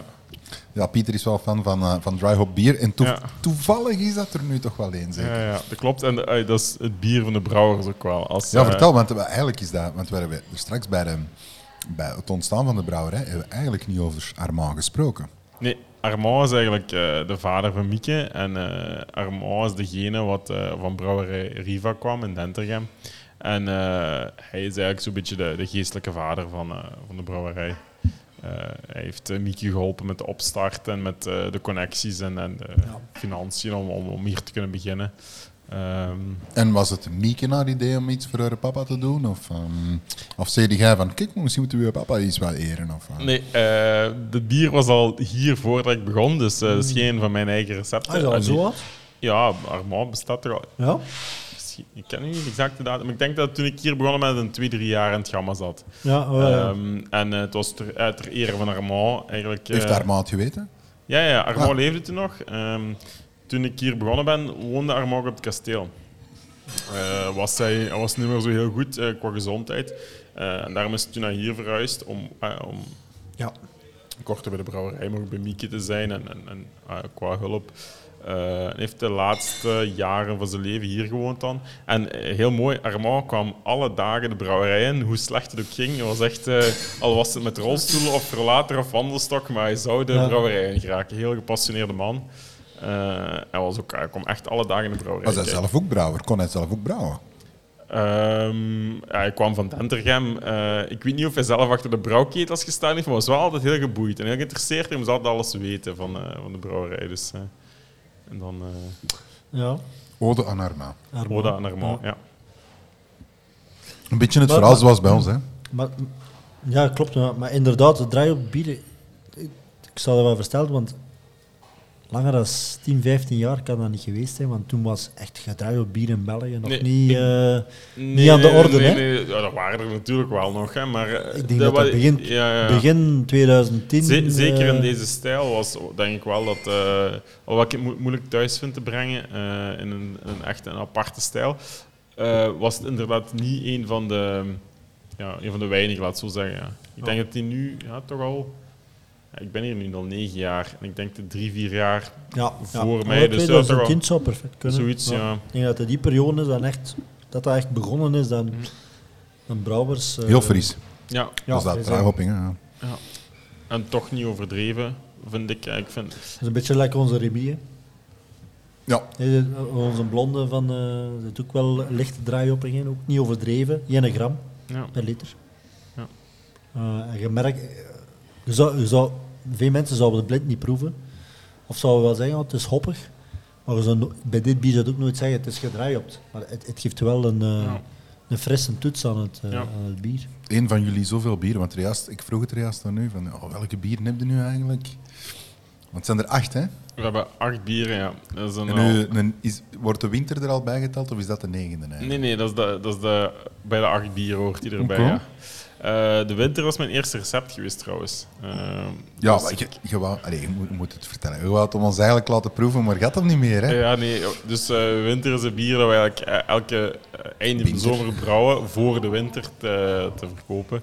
En ehm, dat is op is op. En ik dacht dat het er nog ergens voor stond, maar blijkbaar eh, was hem toch al op. En de nieuwe zit nog op tank, dus daar moeten we nog even op wachten. Die zit net uit gisting en lagering, dus dat is voor binnenkort af te vullen. En, eh, Tussen is hier de Pieter aan het genieten van eh, de kaas. En proefde ze de ter dolen? Het was een donker, hè? Ja. Hoe lekker. Nou, ik zit, ik zit nu aan het smaken.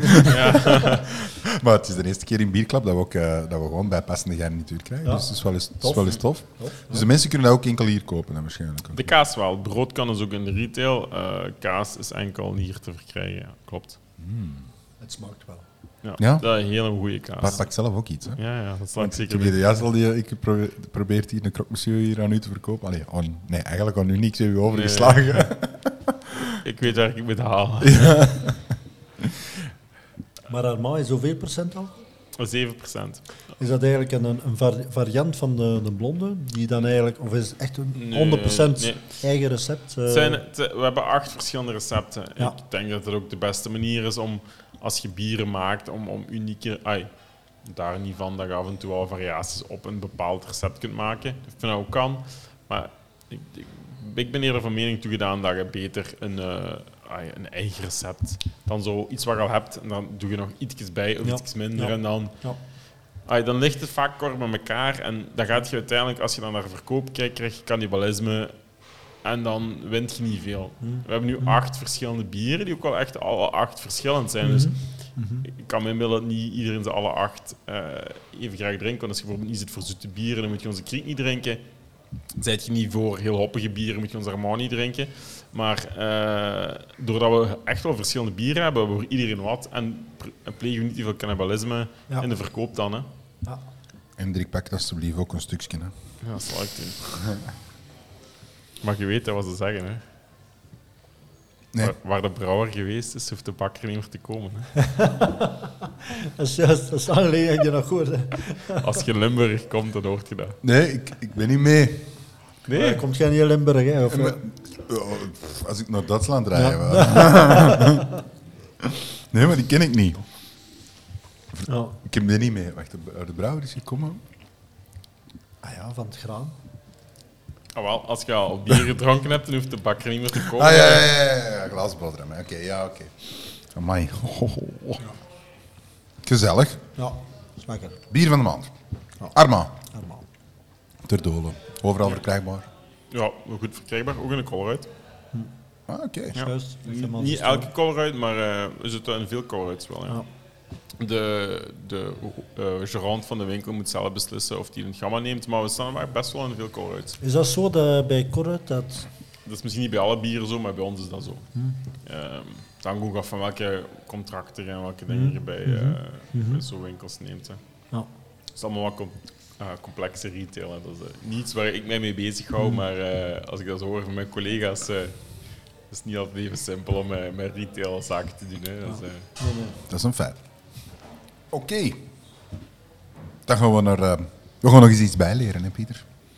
Oh, ja. Oké. Klaar.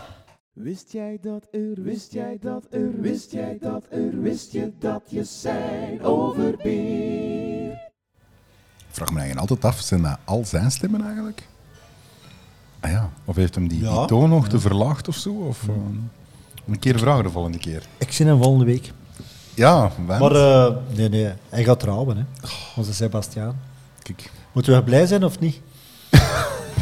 voor mij maakt dat niet uit, maar ik weet niet hoeveel vrouwelijke luisteraars dat we hebben. Ik ken zijn vrouw eigenlijk niet zo goed, maar ik denk dat het wel een toffe is. Nou, jij mocht gaan, hè. ik heb geen uitnodiging Nee, gekregen. nee, nee. Zal komen. Ja, s- ik zou het met een keer moeten bespreken dan. Bon! Wist je dat eens, Pieter? Leer Ja, ons eens ja. iets bij, terwijl dat wij hier nog van dat heerlijke Volgende kaasplankje week, eten. de week van de brouwers in België. Bier, week van het Belgisch bier. Zwaar, hè, Hendrik? ja, ja, het, Klopt, hè? Ja, waar jij mee? eh, Hendrik? Uiteraard. Ja. De vrijdag, eh, e- de eerste vrijdag van september, Ja. staat voor- in mijn agenda voor de waarom, onafhankelijkheid waarom? ingesteld. Ga Waarom? er mee trouwens, want ik ga, hè, ga er mee. Ja. Wacht, volgende week vrijdag. Wat, wat gaan we doen? We De hebben, markt in Brussel? Maar ik heb precies geen uitnodiging Nee, nee, je moet nog komen. ja. Nee, maar dus eh, volgende week, eh, de mijn week van de, week van de Belgische brouwers. En ik vond het een goed moment het- om een, het wistedetje daar een beetje rond, eh, rond iets te vertellen over ja, maar die Belgische brouwers. Hoe, hoe zijn die eigenlijk... Ik kan, hè. Ah, je kunt, ah, dat is goed. Er Hoe zijn die eigenlijk tot stand gekomen? Want hey, uiteindelijk is dat wel een, een belangenvereniging, maar hoe zijn die eigenlijk tot stand gekomen? En, en, en voor mij was dat eigenlijk ook een beetje een black box, want eh, ik heb wel een paar mensen binnen de, de, de, de, Belgische brouwers die er wel een, redelijke functie bekleden, maar ik vroeg me eigenlijk af, hoe is dat eigenlijk ontstaan? En eh, ik heb me er even in verdiept en ik heb daar eigenlijk een korte... Het, de datje dit eh, vandaag is eigenlijk een korte schets van de geschiedenis van hoe dan eigenlijk de brouwers zich in de geschiedenis van België hebben verenigd. En dat begint eigenlijk ehm, in de 13e eeuw. En dat waren eigenlijk eh, brouwers die... Ja, België bestond nog niet. Hè, maar in de regio waar dat wij nu kennen als België, begonnen zich meer en meer brouwers in die tijd zich te verenigen in, rond de stad Brussel. Hè. Brussel bestond eh, toen al. Dus de brouwers begonnen zich daar te verenigen. En daar is eigenlijk de naam van de gilde van de brouwers, van de Brusselse brouwers, eigenlijk ontstaan. Ehm, eh, de gilden, vroeger een vereniging, dat waren... eh, tot op vandaag ze horen dat soms nog, de, de, de boerengilden of zo. Eh, De, de gilden is een De vereniging... landelijke gilde. De landelijke gilden. Ja. Dus dat is eigenlijk een vereniging van, van, van mensen die eenzelfde beroepactiviteit uitvoeren, die zich verenigen om, om zich sterker te voelen of meer macht te kunnen krijgen. Dat is tot op vandaag nog altijd hetzelfde. Ehm, en die, die gilden hebben eigenlijk later in de 14e eeuw een erkenning gekregen. En eigenlijk wat was een, een doel? Eigenlijk, ja, de macht eigenlijk proberen verder uit te breiden. Hè, dus om ja, meer macht te krijgen. Eh, zo gaat het nu eenmaal in de wereld. Ehm, en in de 15e eeuw werden ze steeds, steeds rijker en machtiger. Ehm, en eigenlijk dat hoogtepunt van die rijkdom en die, die, die macht die ze hadden, die is eigenlijk in de 17e eeuw gekomen. Dat ging zo ver dat zij eigenlijk mee bepaalden wie dat er eigenlijk in de stad burgemeester en schepenen werd. Dus je moet nog soms niet verder kijken, over 100 jaar geleden, hè, brouwerijs of, of, of, of brouwerijen, die waren baas van de cafés en wat weet ik allemaal, dat waren rijke mensen. En veel, hè, nog 100 jaar geleden, waren in veel dorpen de burgemeester van het dorp, dat was de brouwer. Hè. Ah, moet zo ver niet terug gaan. Hè. Maar dat was eigenlijk het toppunt van een, eh, een rijkdom en een macht in de 17e eeuw. En dan is eigenlijk ook wel eh, later de, de, de Franse revolutie. Wat jaar was dat, Jordi? Wow. Ergens in Hendrik, 1700. Hendrik weet dat volgens mij, hè? Nee? 1789. Ja, perfect. Straf, hè, dat ik dat weet. Ja. En dat heeft er wel een beetje voor gezorgd. Eh, België bestond nog altijd niet, hè, maar er is wel wat annexatie gebeurd in de regio. Eh inboedels zijn in beslag genomen, dus dat was wel een hele serieuze klop eigenlijk voor de lokale brouwers hier in, eh, in het Brusselse toen. Ehm, dat was een heel moeilijke tijd. Ehm, en dan kwam 1831. Wat was er 1831? Is het eh, geschiedenisles met Pieter vandaag? Ja, of, ja eh, 1831, Jordi.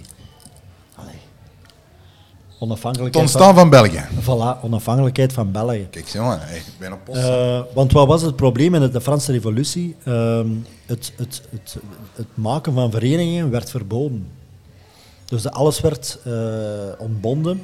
En vanaf 1831, België was onafhankelijk, mochten, was er in een wet ge- gezegd dat er terug verenigingen mochten zijn.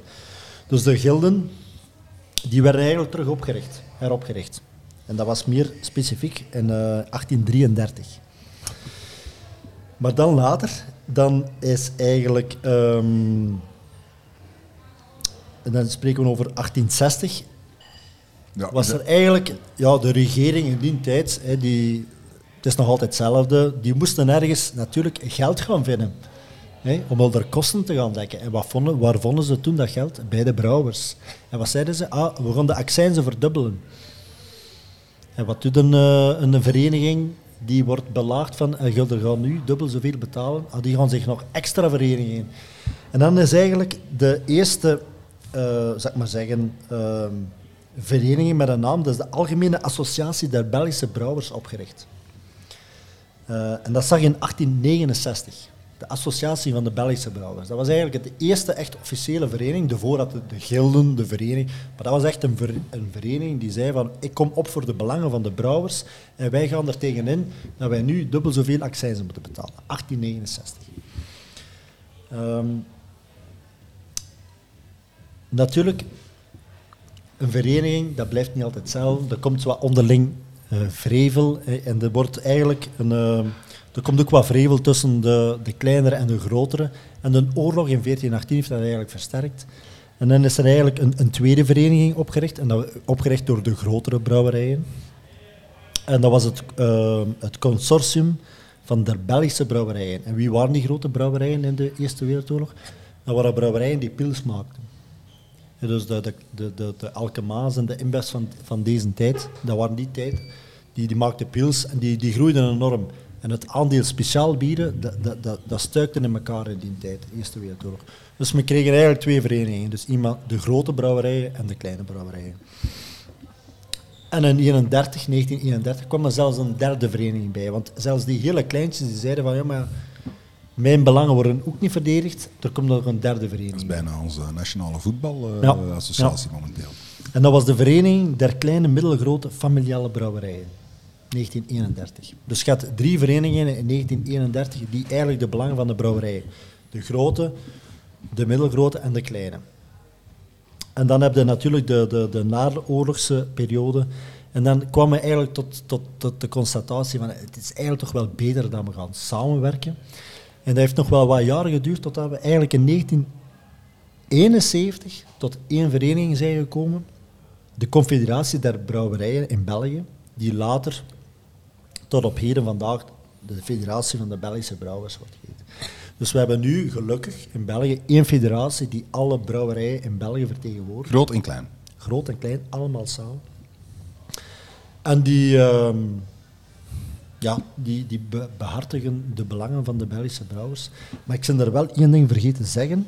In de 17e eeuw, Och, man, hou even terug. ja, in de 17e eeuw, heb ik daarnet gezegd, hadden de, de gilden het meeste macht en de meeste rijkdom. En wat hebben ze toen gedaan, die gilden? Die hebben een pand gekocht op de Grote Markt in Brussel. Tot op vandaag is dat nog altijd het Brouwershuis. Wordt Ja. op de Markt in Brussel al geweest? Ja. Ah, wel, naast het stadhuis, links daarvan, als je daar recht voor staat, links daarvan heb je het Brouwershuis. Tot op vandaag is dat nog altijd het Brouwershuis, eigendom van de Belgische En brouwerij. die, daar worden dus eh geridderd, in dat pand of wat? Nee, dat is in het stadhuis zelf. Maar we hebben nog altijd, dus de, de, de federatie en de Belgische brouwers, eh, dus dat pand is Heel nog mooi altijd... pand. Heel mooi pand, echt. Eh, als ze er binnen tien dagen komen... Dan En, maar dus, dus moet je die- daar een uitnodiging voor krijgen? Of hoe werkt dat? Jij krijgt die van mij. Hoezo? Is het goed? Ja, ik heb een uitnodiging gekregen. Ja. En je mag iemand meenemen of zo? ja. Ah, hè? Ik ga nu in meenemen, is het goed? Moet ik dan een Bob voorzien ook, of niet? Met een trein. Gewoon met een trein. Gewoon met een trein. Dus door op vandaag hebben we nog altijd die Belgische brouwers, gelukkig in vereniging. En omdat gezien het volgende week het week van de Belgisch bier is en het feest is op de Grote Markt voor de Belgische brouwers, vond ik dat wel een gepast. eh, Wie ga jij meenemen, Hendrik? Mijn vrouw. Die heeft meer geluk als de vrouw. Maar die dag is het niet zijn vrouw, maar Bob. Nee, nee, nee, wij blijven slapen. Is het zo... eh, Hebben jullie daar een standje ook? eh? Ter dol even stand. Ah, ja. oké. Nou, Dan moeten we eh, daar eh, zeker een keer ja. langs gaan. We hebben al... Dus eh, Belgische brouwers staan daar ook met een stand om iets te drinken. Hè. ja. Er zijn een... Feest van de Belgische 20, brouwers zou 30 niet zijn zonder... eh, stal- standen en brouwerijen. En, eh, ja. Heel leuk. We zeker. En tot op vandaag, natuurlijk, die, die vereniging die blijft heel belangrijk. Hè. Eh, Ja, zeker nu in deze tijden. hè. Deze tijden sowieso. We hebben corona gehad. Eh, De Belgische brouwers hebben er ook wel een heel belangrijke rol in gespeeld naar de horeca toe. Om daar ook wel een beetje de, eh, aan de deur te kloppen van jongens, die horeca moet wel open, want onze Belgische brouwers die, ja, die verzuipen op dit moment. Hè. Dus dat is enerzijds. Anderzijds, een mooi, mooi project van de Belgische brouwers is ook het, de Bob-campagne. Die is afkomstig van de Belgische brouwers Ah, dus de Bob-campagne komt van eh, de Belgische komt brouwers. vanuit de brouwers zelf. Hè, dus de- wij als brouwers, wij, wij steunen en wij, wij, wij, hoe zou ik zeggen, wij steunen of, of, of het, het eh, verantwoord gebruik van alcohol. Bier Dus drink je met verstand. en bier drink je met verstand en dat is ook een deel van onze cultuur die we hebben in, eh, in België. En de Bob-campagne is daar een heel mooi voorbeeld van. Dat vind ik echt een heel, dat vind ik echt een heel leuk wistitaatje. ook. Voilà. Allee, allee, ik was heel goed met mijn geschiedenis. Ja, ik heb ja. toch wel tien op tien, dat moet wel Ja, zeggen. de Franse revolutie, dus eh, maar de, de Belgische onafhankelijkheid was iets moeilijker. ja, ik was toch spot on, of niet? Ja, ja. Maar, en ik vind het ook heel leuk dat, dat, dat wist ik niet van, Ja, van de Bob-campagne. Bob-campagne, dat Dus, komt ah. rechtstreeks van, is, eh, uit de Belgische brouw. Ik weet niet, hebben dat ook in Nederland? Voor onze Nederlandse De Neder- luisteraars? de Nederla- ja, Nederland heeft dat overgenomen. Hè. Ik weet niet of dat, dat daar ook Bob noemt, maar ik dacht het wel. Zo. Die hebben dat Ik denk het overgenomen. wel, ja. Ik ben ja. niet heel zeker van. Maar... Ja. Maar hebben zij daar ook een vereniging? Ja. Dat zal Eh, wel. is redelijk nieuw. Eh, Nieuw, Maar jij, ik, ik zie toch fonkelingen in uw oogstjes. Ja, nu erover- niet, maar ja, je hebt de, de, de brouwers Lage noemt dat nu, Landen, hè? En Lage Landen is zelfs België en eh, Nederland gecombineerd. Hè. Is dat ook een vereniging? Ja. Ja. Dus ook- die zijn redelijk Maar nieuw. die is dan. wel redelijk nieuw, ja, klopt. Dat is iets van de laatste paar jaar. Ja. Dat is niet- ook niet zo groot en is zeker niet zo gelijk de Belgische brouwers. Dat is echt wel... eh, Volgende keer zal ik dan een verslag moeten uitbrengen in de volgende podcast van hoe dat geweest is. Hè? Ja, In onze Ja. intro talk. ja, voilà. En Belgische brouwers, ah, want eh, heel veel ah, goede dingen over aangehaald. Maar wat ook eh, voor de Belgische brouwers heel leuk is, is netwerken. Hè. Is, Sowieso. Ja. Heel veel mensen, het is een hele kleine wereld. En dat is het mooiste, vind ik, aan, eh, een van de mooiste dingen aan, aan de, de Belgische brouwerswereld, is dat we heel nauw samenhangen allemaal. Hè. Uiteindelijk zijn we allemaal concurrenten en toch kunnen we allemaal door eenzelfde deur. Op hier en daar een paar uitzonderingen maar Ja, klopt. we hebben heel veel connecties onderling. Daar heb je en- geen retail of dergelijke of zo. Dat is echt alleen maar brouwers. Nou ja, de- op de, eigenlijk- je hebt eigenlijk het Belgian Beer Weekend. Want dat is eigenlijk het week- Maar wacht, dat is, weekend. dat is onze bieractua dan, of wat? Nee, nee, nee. Dat is, dat is eigenlijk die vrijdag, die zaterdag en die zondag. Maar die vrijdag begint eigenlijk met het, het ridderen van een aantal mensen. Maar dan heb je eigenlijk eh, enkel de brouwers die toegang hebben tot, En, en wacht, wacht, wacht. tot, tot op de markt eigenlijk, om die standjes. En dan heb je eigenlijk, dat is eigenlijk het enigste moment in een jaar dat eigenlijk heel veel brouwers samen zijn. Ja. En ook wel koning, Ga- ga- koning Gabrinus, hè. Ga ik, Ja. ga, ik- ga ik daar eh, eh, door de mand vallen als ik... eh, ja, en wie bent u? Ah, ja, eh, bi- bierklap, ja. Nee, maar eh de ridder, er zegt ook nog zoiets. eh. Ja, ja.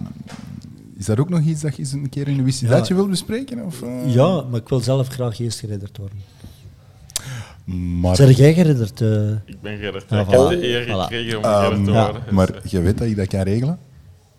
Ja, ik, heb, ik ken mensen genoeg die mij Ja, daar eh, kunnen... Enkel eh, ridders kunnen andere mensen ridderen, is niet zoiets? hè? Ja, die moeten een... eh, je moet een aantal ridders ja. hebben die u Ja. voordragen Ja. en dan dat Maar dat is op het moment zelf, of is dat weken op voorhand? Nee, dat je weken, op of, voorhand, weken op voorhand, ja. Weken of Maar het is er nog nooit van gekomen. Weken Weken, of weken. week? Nee, nee, weken. Het is er nog nooit van gekomen. Ah, wel, ik kan dat regelen. Volgend jaar wordt Pieter de Bok geridderd. ja. Allee, vooruit. Zou dat een eer zijn voor u? Ik zou dat wel leuk vinden, ja. Ik ga dat regelen. Ja, dank u wel. Andere luisteraars, hè, want we hebben ook brouwers die luisteren. Hè. Volgend jaar Pieter de Bok. Hè. Dan, kunnen we dat, dan doen we een bierklap live vandaar. Terwijl het hem geridderd wordt of zo, met een live feed. Ja. Ja. Een livestream Oké, we gaan nog eens een op de beetje bieractua. Here we go.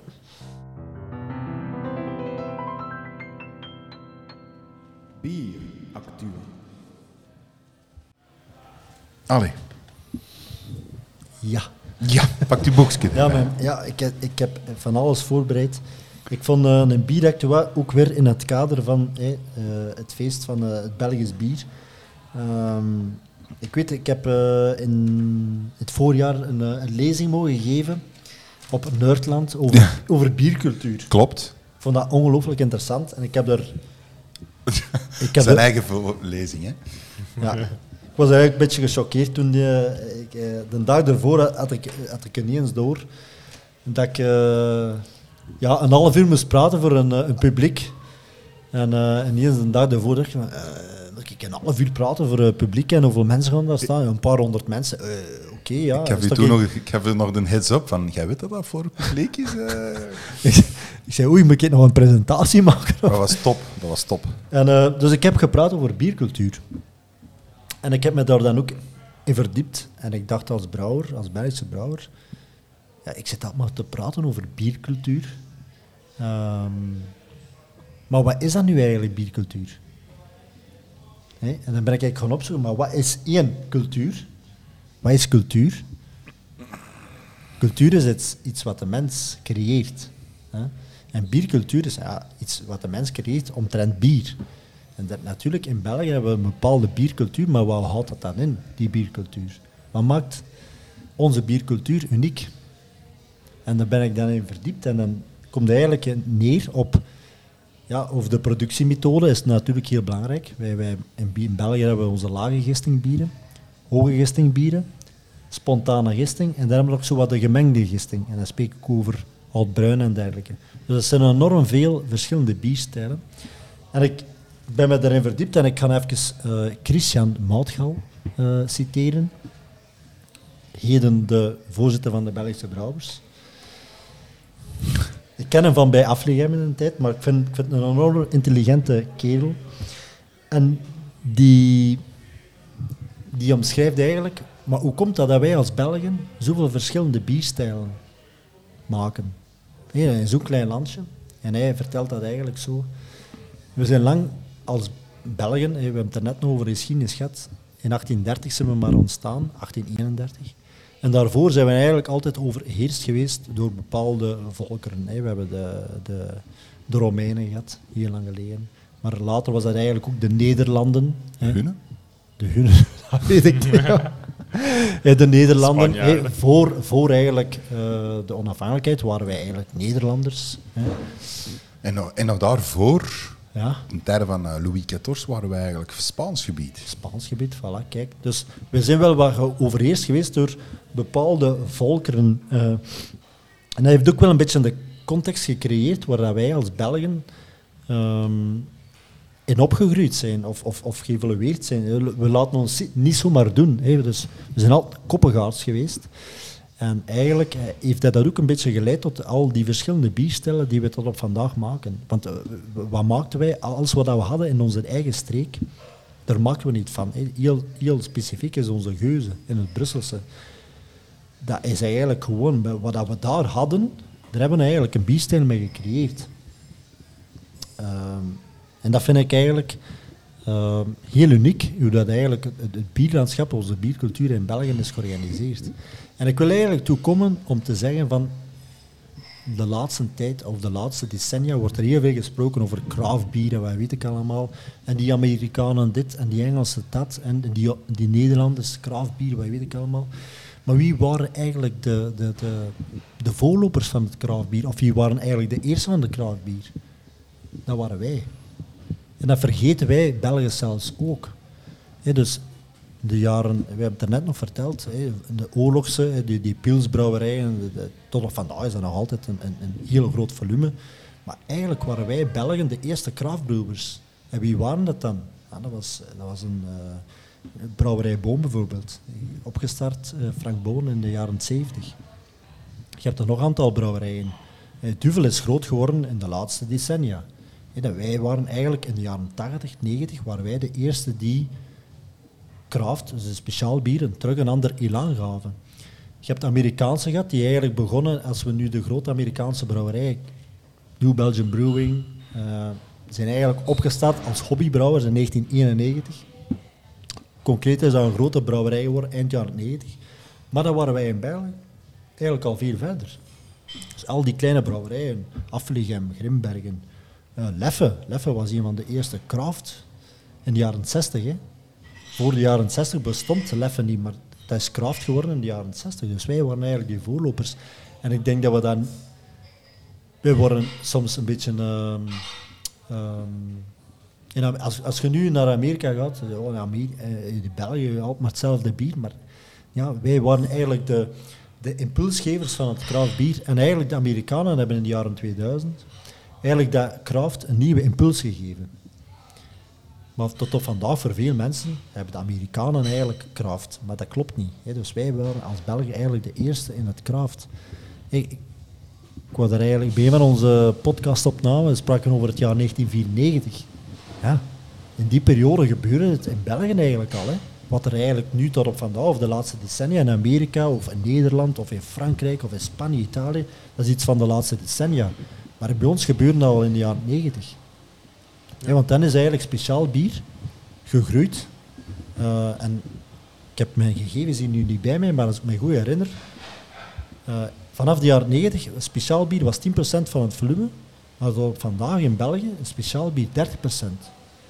Dus we hebben een enorme groei van speciaal bier in België gemaakt, in die, in, in, in die scene, zou ik maar zeggen. Ehm, dus dat is, ik vind het wel belangrijk om, om mee te geven aan die cultuur in België. We mogen daar niet, niet zo los over gaan en, en, en om te zeggen van ja, die Amerikanen dit en dat. Nee, wij hebben onze cultuur en die is enorm uniek en wij waren eigenlijk de voorlopers van alles. Vind ik wel. hey, we zijn België, hè? we zijn altijd bescheiden. Je moet, ja, je moet vier zijn op... eh, als En ik, ik vind, dan moeten we als Belgen Meer- meer, meer, meer mee naar buiten komen. Van, kijk, maar wij waren eigenlijk de eerste in craftbrewing. Dat wil ik wel... En houden tot op de dag van vandaag. Onze kwaliteit is zeer hoog. hè. Voilà, we voilà. zijn- Ja. we zijn, ik denk Voilà. dat Belgische brouwerijen er echt wel heel veel mee bezig zijn. Dat wij om, om, om Ja. veel kwaliteit te leveren. En, en de samenwerking tussen al dan niet officieel. Hè, heel veel brouwerijen hebben heel veel nauwe contacten samen. En daardoor is de algemene kwaliteit Ja. van Belgisch bier goed. Omdat wij vaak samenkomen over, en met elkaar praten Ja. en dingen, en ideeën Klopt. uitwisselen.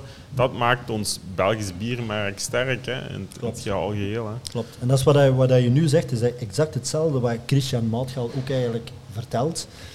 Over eigenlijk kun je ehm, bier over heel de wereld in drie clusters ehm, verdelen. En Waar wij in België, wat is, wat is voor ons bier? Dat is pride and tradition. Sven, traditie, dat is in België heel belangrijk. En pride, we zijn trots op wat dat wij hebben. En bij ons gaat dat meer over, meer over van, wij maken een bier, maar alles wat daarna komt is voor ons even belangrijk. Dus wat vinden wij ook belangrijk? Oh, die beleving. Hè, wat wij net, gedaan hebben, we hebben hier een bier gedronken en we hebben hier een stuk kaas gemaakt met bier. En we hebben hier Dat is die beleving, dus dat komt er allemaal extra bij. Dat is, dat is die pride and tradition. Dat is heel typisch aan onze Belgische bieren. Plus dan die eigenlijk, eh, in tegenstelling met de, de, de dat die bij ons heel gebalanceerd zijn en dat wij werken vanuit een traditionele context. Dat is, dat is heel belangrijk. En dat is, dat is de basis van onze Belgische bieren. Het meer in het zuiden, en dan spreken we over Spanje, Italië, gaat eigenlijk bier meer over friendship en fun. En dan, dan werkt ook meer in craftbier. Dus friendship en fun, dat, moet- moet hip zijn. Het product moet, dat, dat moet onder vrienden zijn. Dat, moet, dat is een andere manier van hoe dat, hoe dat bier in de markt wordt gezet. En dan heb je nog een derde cluster, dat is eigenlijk de Amerikaanse cluster. En dat is eigenlijk power en respect. Hoe, hoe verklaart zich dat? Een brouwer in Amerika, wat is dat? Dat is een rockster. Ze mannen met jeansbroeken, dikke baarden. eh, En die- dat label dat moet eruit springen en dat is, dat is power, dat is een merk, dat is boom, paf, dat is van ons. En ik wil respect, want ik, ben, ik ben de man. Dat is hoe dat daar, en daar is dus niks verkeerd mee. Uh, maar dat is, een- dat is een andere manier hoe dat je eigenlijk bier beleeft en in de markt zet. Ja. En op zich van, van, van geen enkel is, maar is daar iets mis mee, maar dat is wel heel belangrijk om, om daar een onderscheid in te maken. En het laatste wat wij als Belgen moeten doen, is naar die andere clusters gaan overstappen. Want wat, wat is nu het sterkte aan die Belgisch bier? Is die pride, die trots op dat ons bier en die traditie.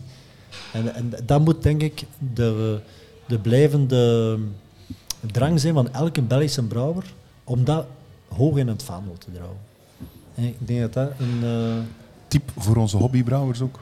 ja, ik denk dat dat wel. Dat dat wel een, ai, uiteindelijk ehm, respecteer je geschiedenis en, en respecteer waar, dat- waar je afkomstig van zit. En, en ik denk dat dat wel heel belangrijk Ik is. denk vooral dat dat eh, hier heel goed gedaan wordt. Ja, hier is dat perfect. Een perfect Ik, voorbeeld. eh, En, en zelfs onze vorige aflevering bij de Rijk is ook een eh, schitterend voorbeeld daarvan. ja, ja, dat zijn eigenlijk twee perfecte voorbeelden waar die pride en tradition ehm, ja, gewoon als een bal boven water staan. Ja, absoluut. Ik denk dat dat een taak is van elke Belgische brouwer om dat hoog in het vaandel te dragen. Ehm, en dan zal Belgisch bier altijd een voortrekker blijven in de, in de heb- biersector. Dat is een mooi stuk. Ja, heel, heel mooi. Ik heb nog, ik heb nog, Amen. eh, amen. Bij dat draadje. Ik heb nog, ik heb nog iets, een, iets, iets, toch iets actueel nog gelezen vandaag. Ja, ja, ja.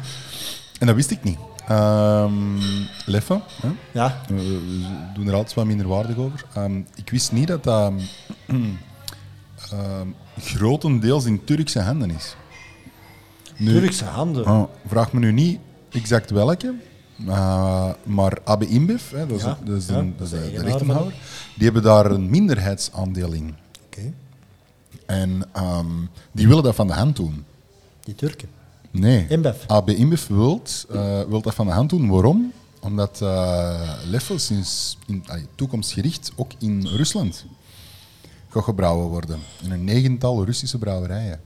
En. AB InBev wil niet geassocieerd worden, net zoals alle grote internationale concerns, met, met, met Rusland momenteel. Dus het zou kunnen, want ze zijn nu bezig eh, met, met de volledige overname van het merk Leffe eh, door Turkse handen. Ehm, gewoon omdat ABM zegt van nee, pas strook niet meer met ons eh, imago. Dus wie weet, Maar ik denk dat... Ik weet dat niet, maar... voordat je het weet, is Leffe eigenlijk niet meer Belgisch. Het is nu al een minderheidsaandeel. Ja. Dus Ja, nou, dat even iets actueel. Ja, eh, vandaag hele gelezen. actuele- Wist je niet dat je dat had gezien? Dat wist ik niet, nee. En, en waar heb je dat gelezen? En, eh, toch Een, niet in het eh, laatste nieuws? Een zeer betrouwbare nieuws. Nee, je zit van Antwerpen. Ja, oké. Nee, maar ja, ik, nee. eh, Nee, maar ja. allee, ik bedoel, ik veronderstel dat, dat, dat dat wel gefactcheckt We zal mogen er zijn. wel van uitgaan dat dat... Maar ja, het zou kunnen, ja. Dus, en daarom zijn er heel veel. En er is ook nu de, eh, de trending hashtag, eh, echt boycott Leffen, of ik weet niet welke dat is. Ja. No more Leffen, of zoiets. Dat gaat er wel Ja. de komende dagen voorbij zien komen, specifiek omdat, eh, omdat die Turken absoluut ook willen dat dat in, in Rusland nu gebrouwen wordt. Hè. Oké, oké. En on Ja. that bombshell, Ja. zou Jeremy Clarkson zeggen. Ehm, Nee, maar ik zou wel nog aan alle luisteraars willen zeggen, geniet van het eh, en, en, en, en consumeer ook het Week van de Belgisch bier. Ja. Eh, er zijn genoeg en zeker een fantastische te, Belgische ter bieren. dolen hier. Terdolen, Remy, Desideer. hè. Product, product placement is toch weer al goed. Hè? Nee, Hendrik, ik vond het super gezellig. Was Ja. niet op het terras nog één en drinken. Dus we eh, we, hebben nog altijd niet het, eh, het record verbroken van, eh, van de Brabanderen. Kwestie van, eh, van uur. We zijn eigenlijk zelfs vroeg klaar nu. Ja, maar het is- In vergelijking met Ja. toen. Ja. Een terras is heel uitnodigend. Maar we zien elkaar zeker eh, in Brussel. Hè. Vrijdag, hè? 2 september, vrijdag 2 Ja. september. Voor mensen die ons daar willen zien, Ja, vanaf 6 uur ben je er allemaal maar dat, welkom. was, dat was wel heel leuk op Nerdland. Hè. We liepen er alle twee rond met onze t-shirt. En ehm, ja, blijkbaar zijn er toch eh, redelijk wat Nerdland-luisteraars. fijn. die, die, Ja, ja, weet, en die, ook. ja, en dat, dat was heel leuk, want die, die, die mensen nog nooit gezien, die spreken nu dan met hun voornaam aan. Die weten ook perfect wie dat wie is. Dus dat was wel echt wel heel komisch. Dus ehm, voor de rest, ja, nog eens de kanalen. Spotify.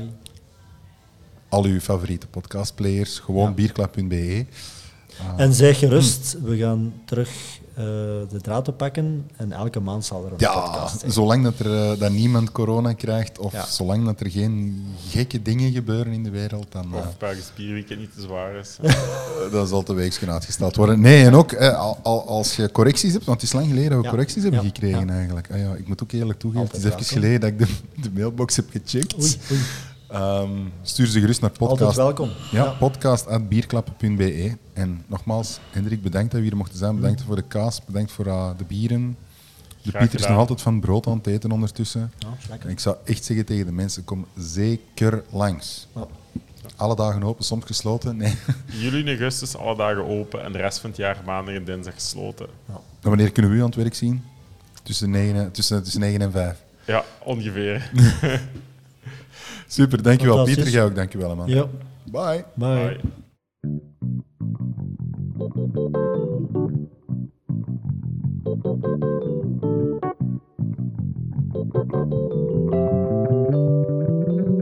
Bierklap. Bierklap. Bierklap. Ja. Bierklap. Bierklap.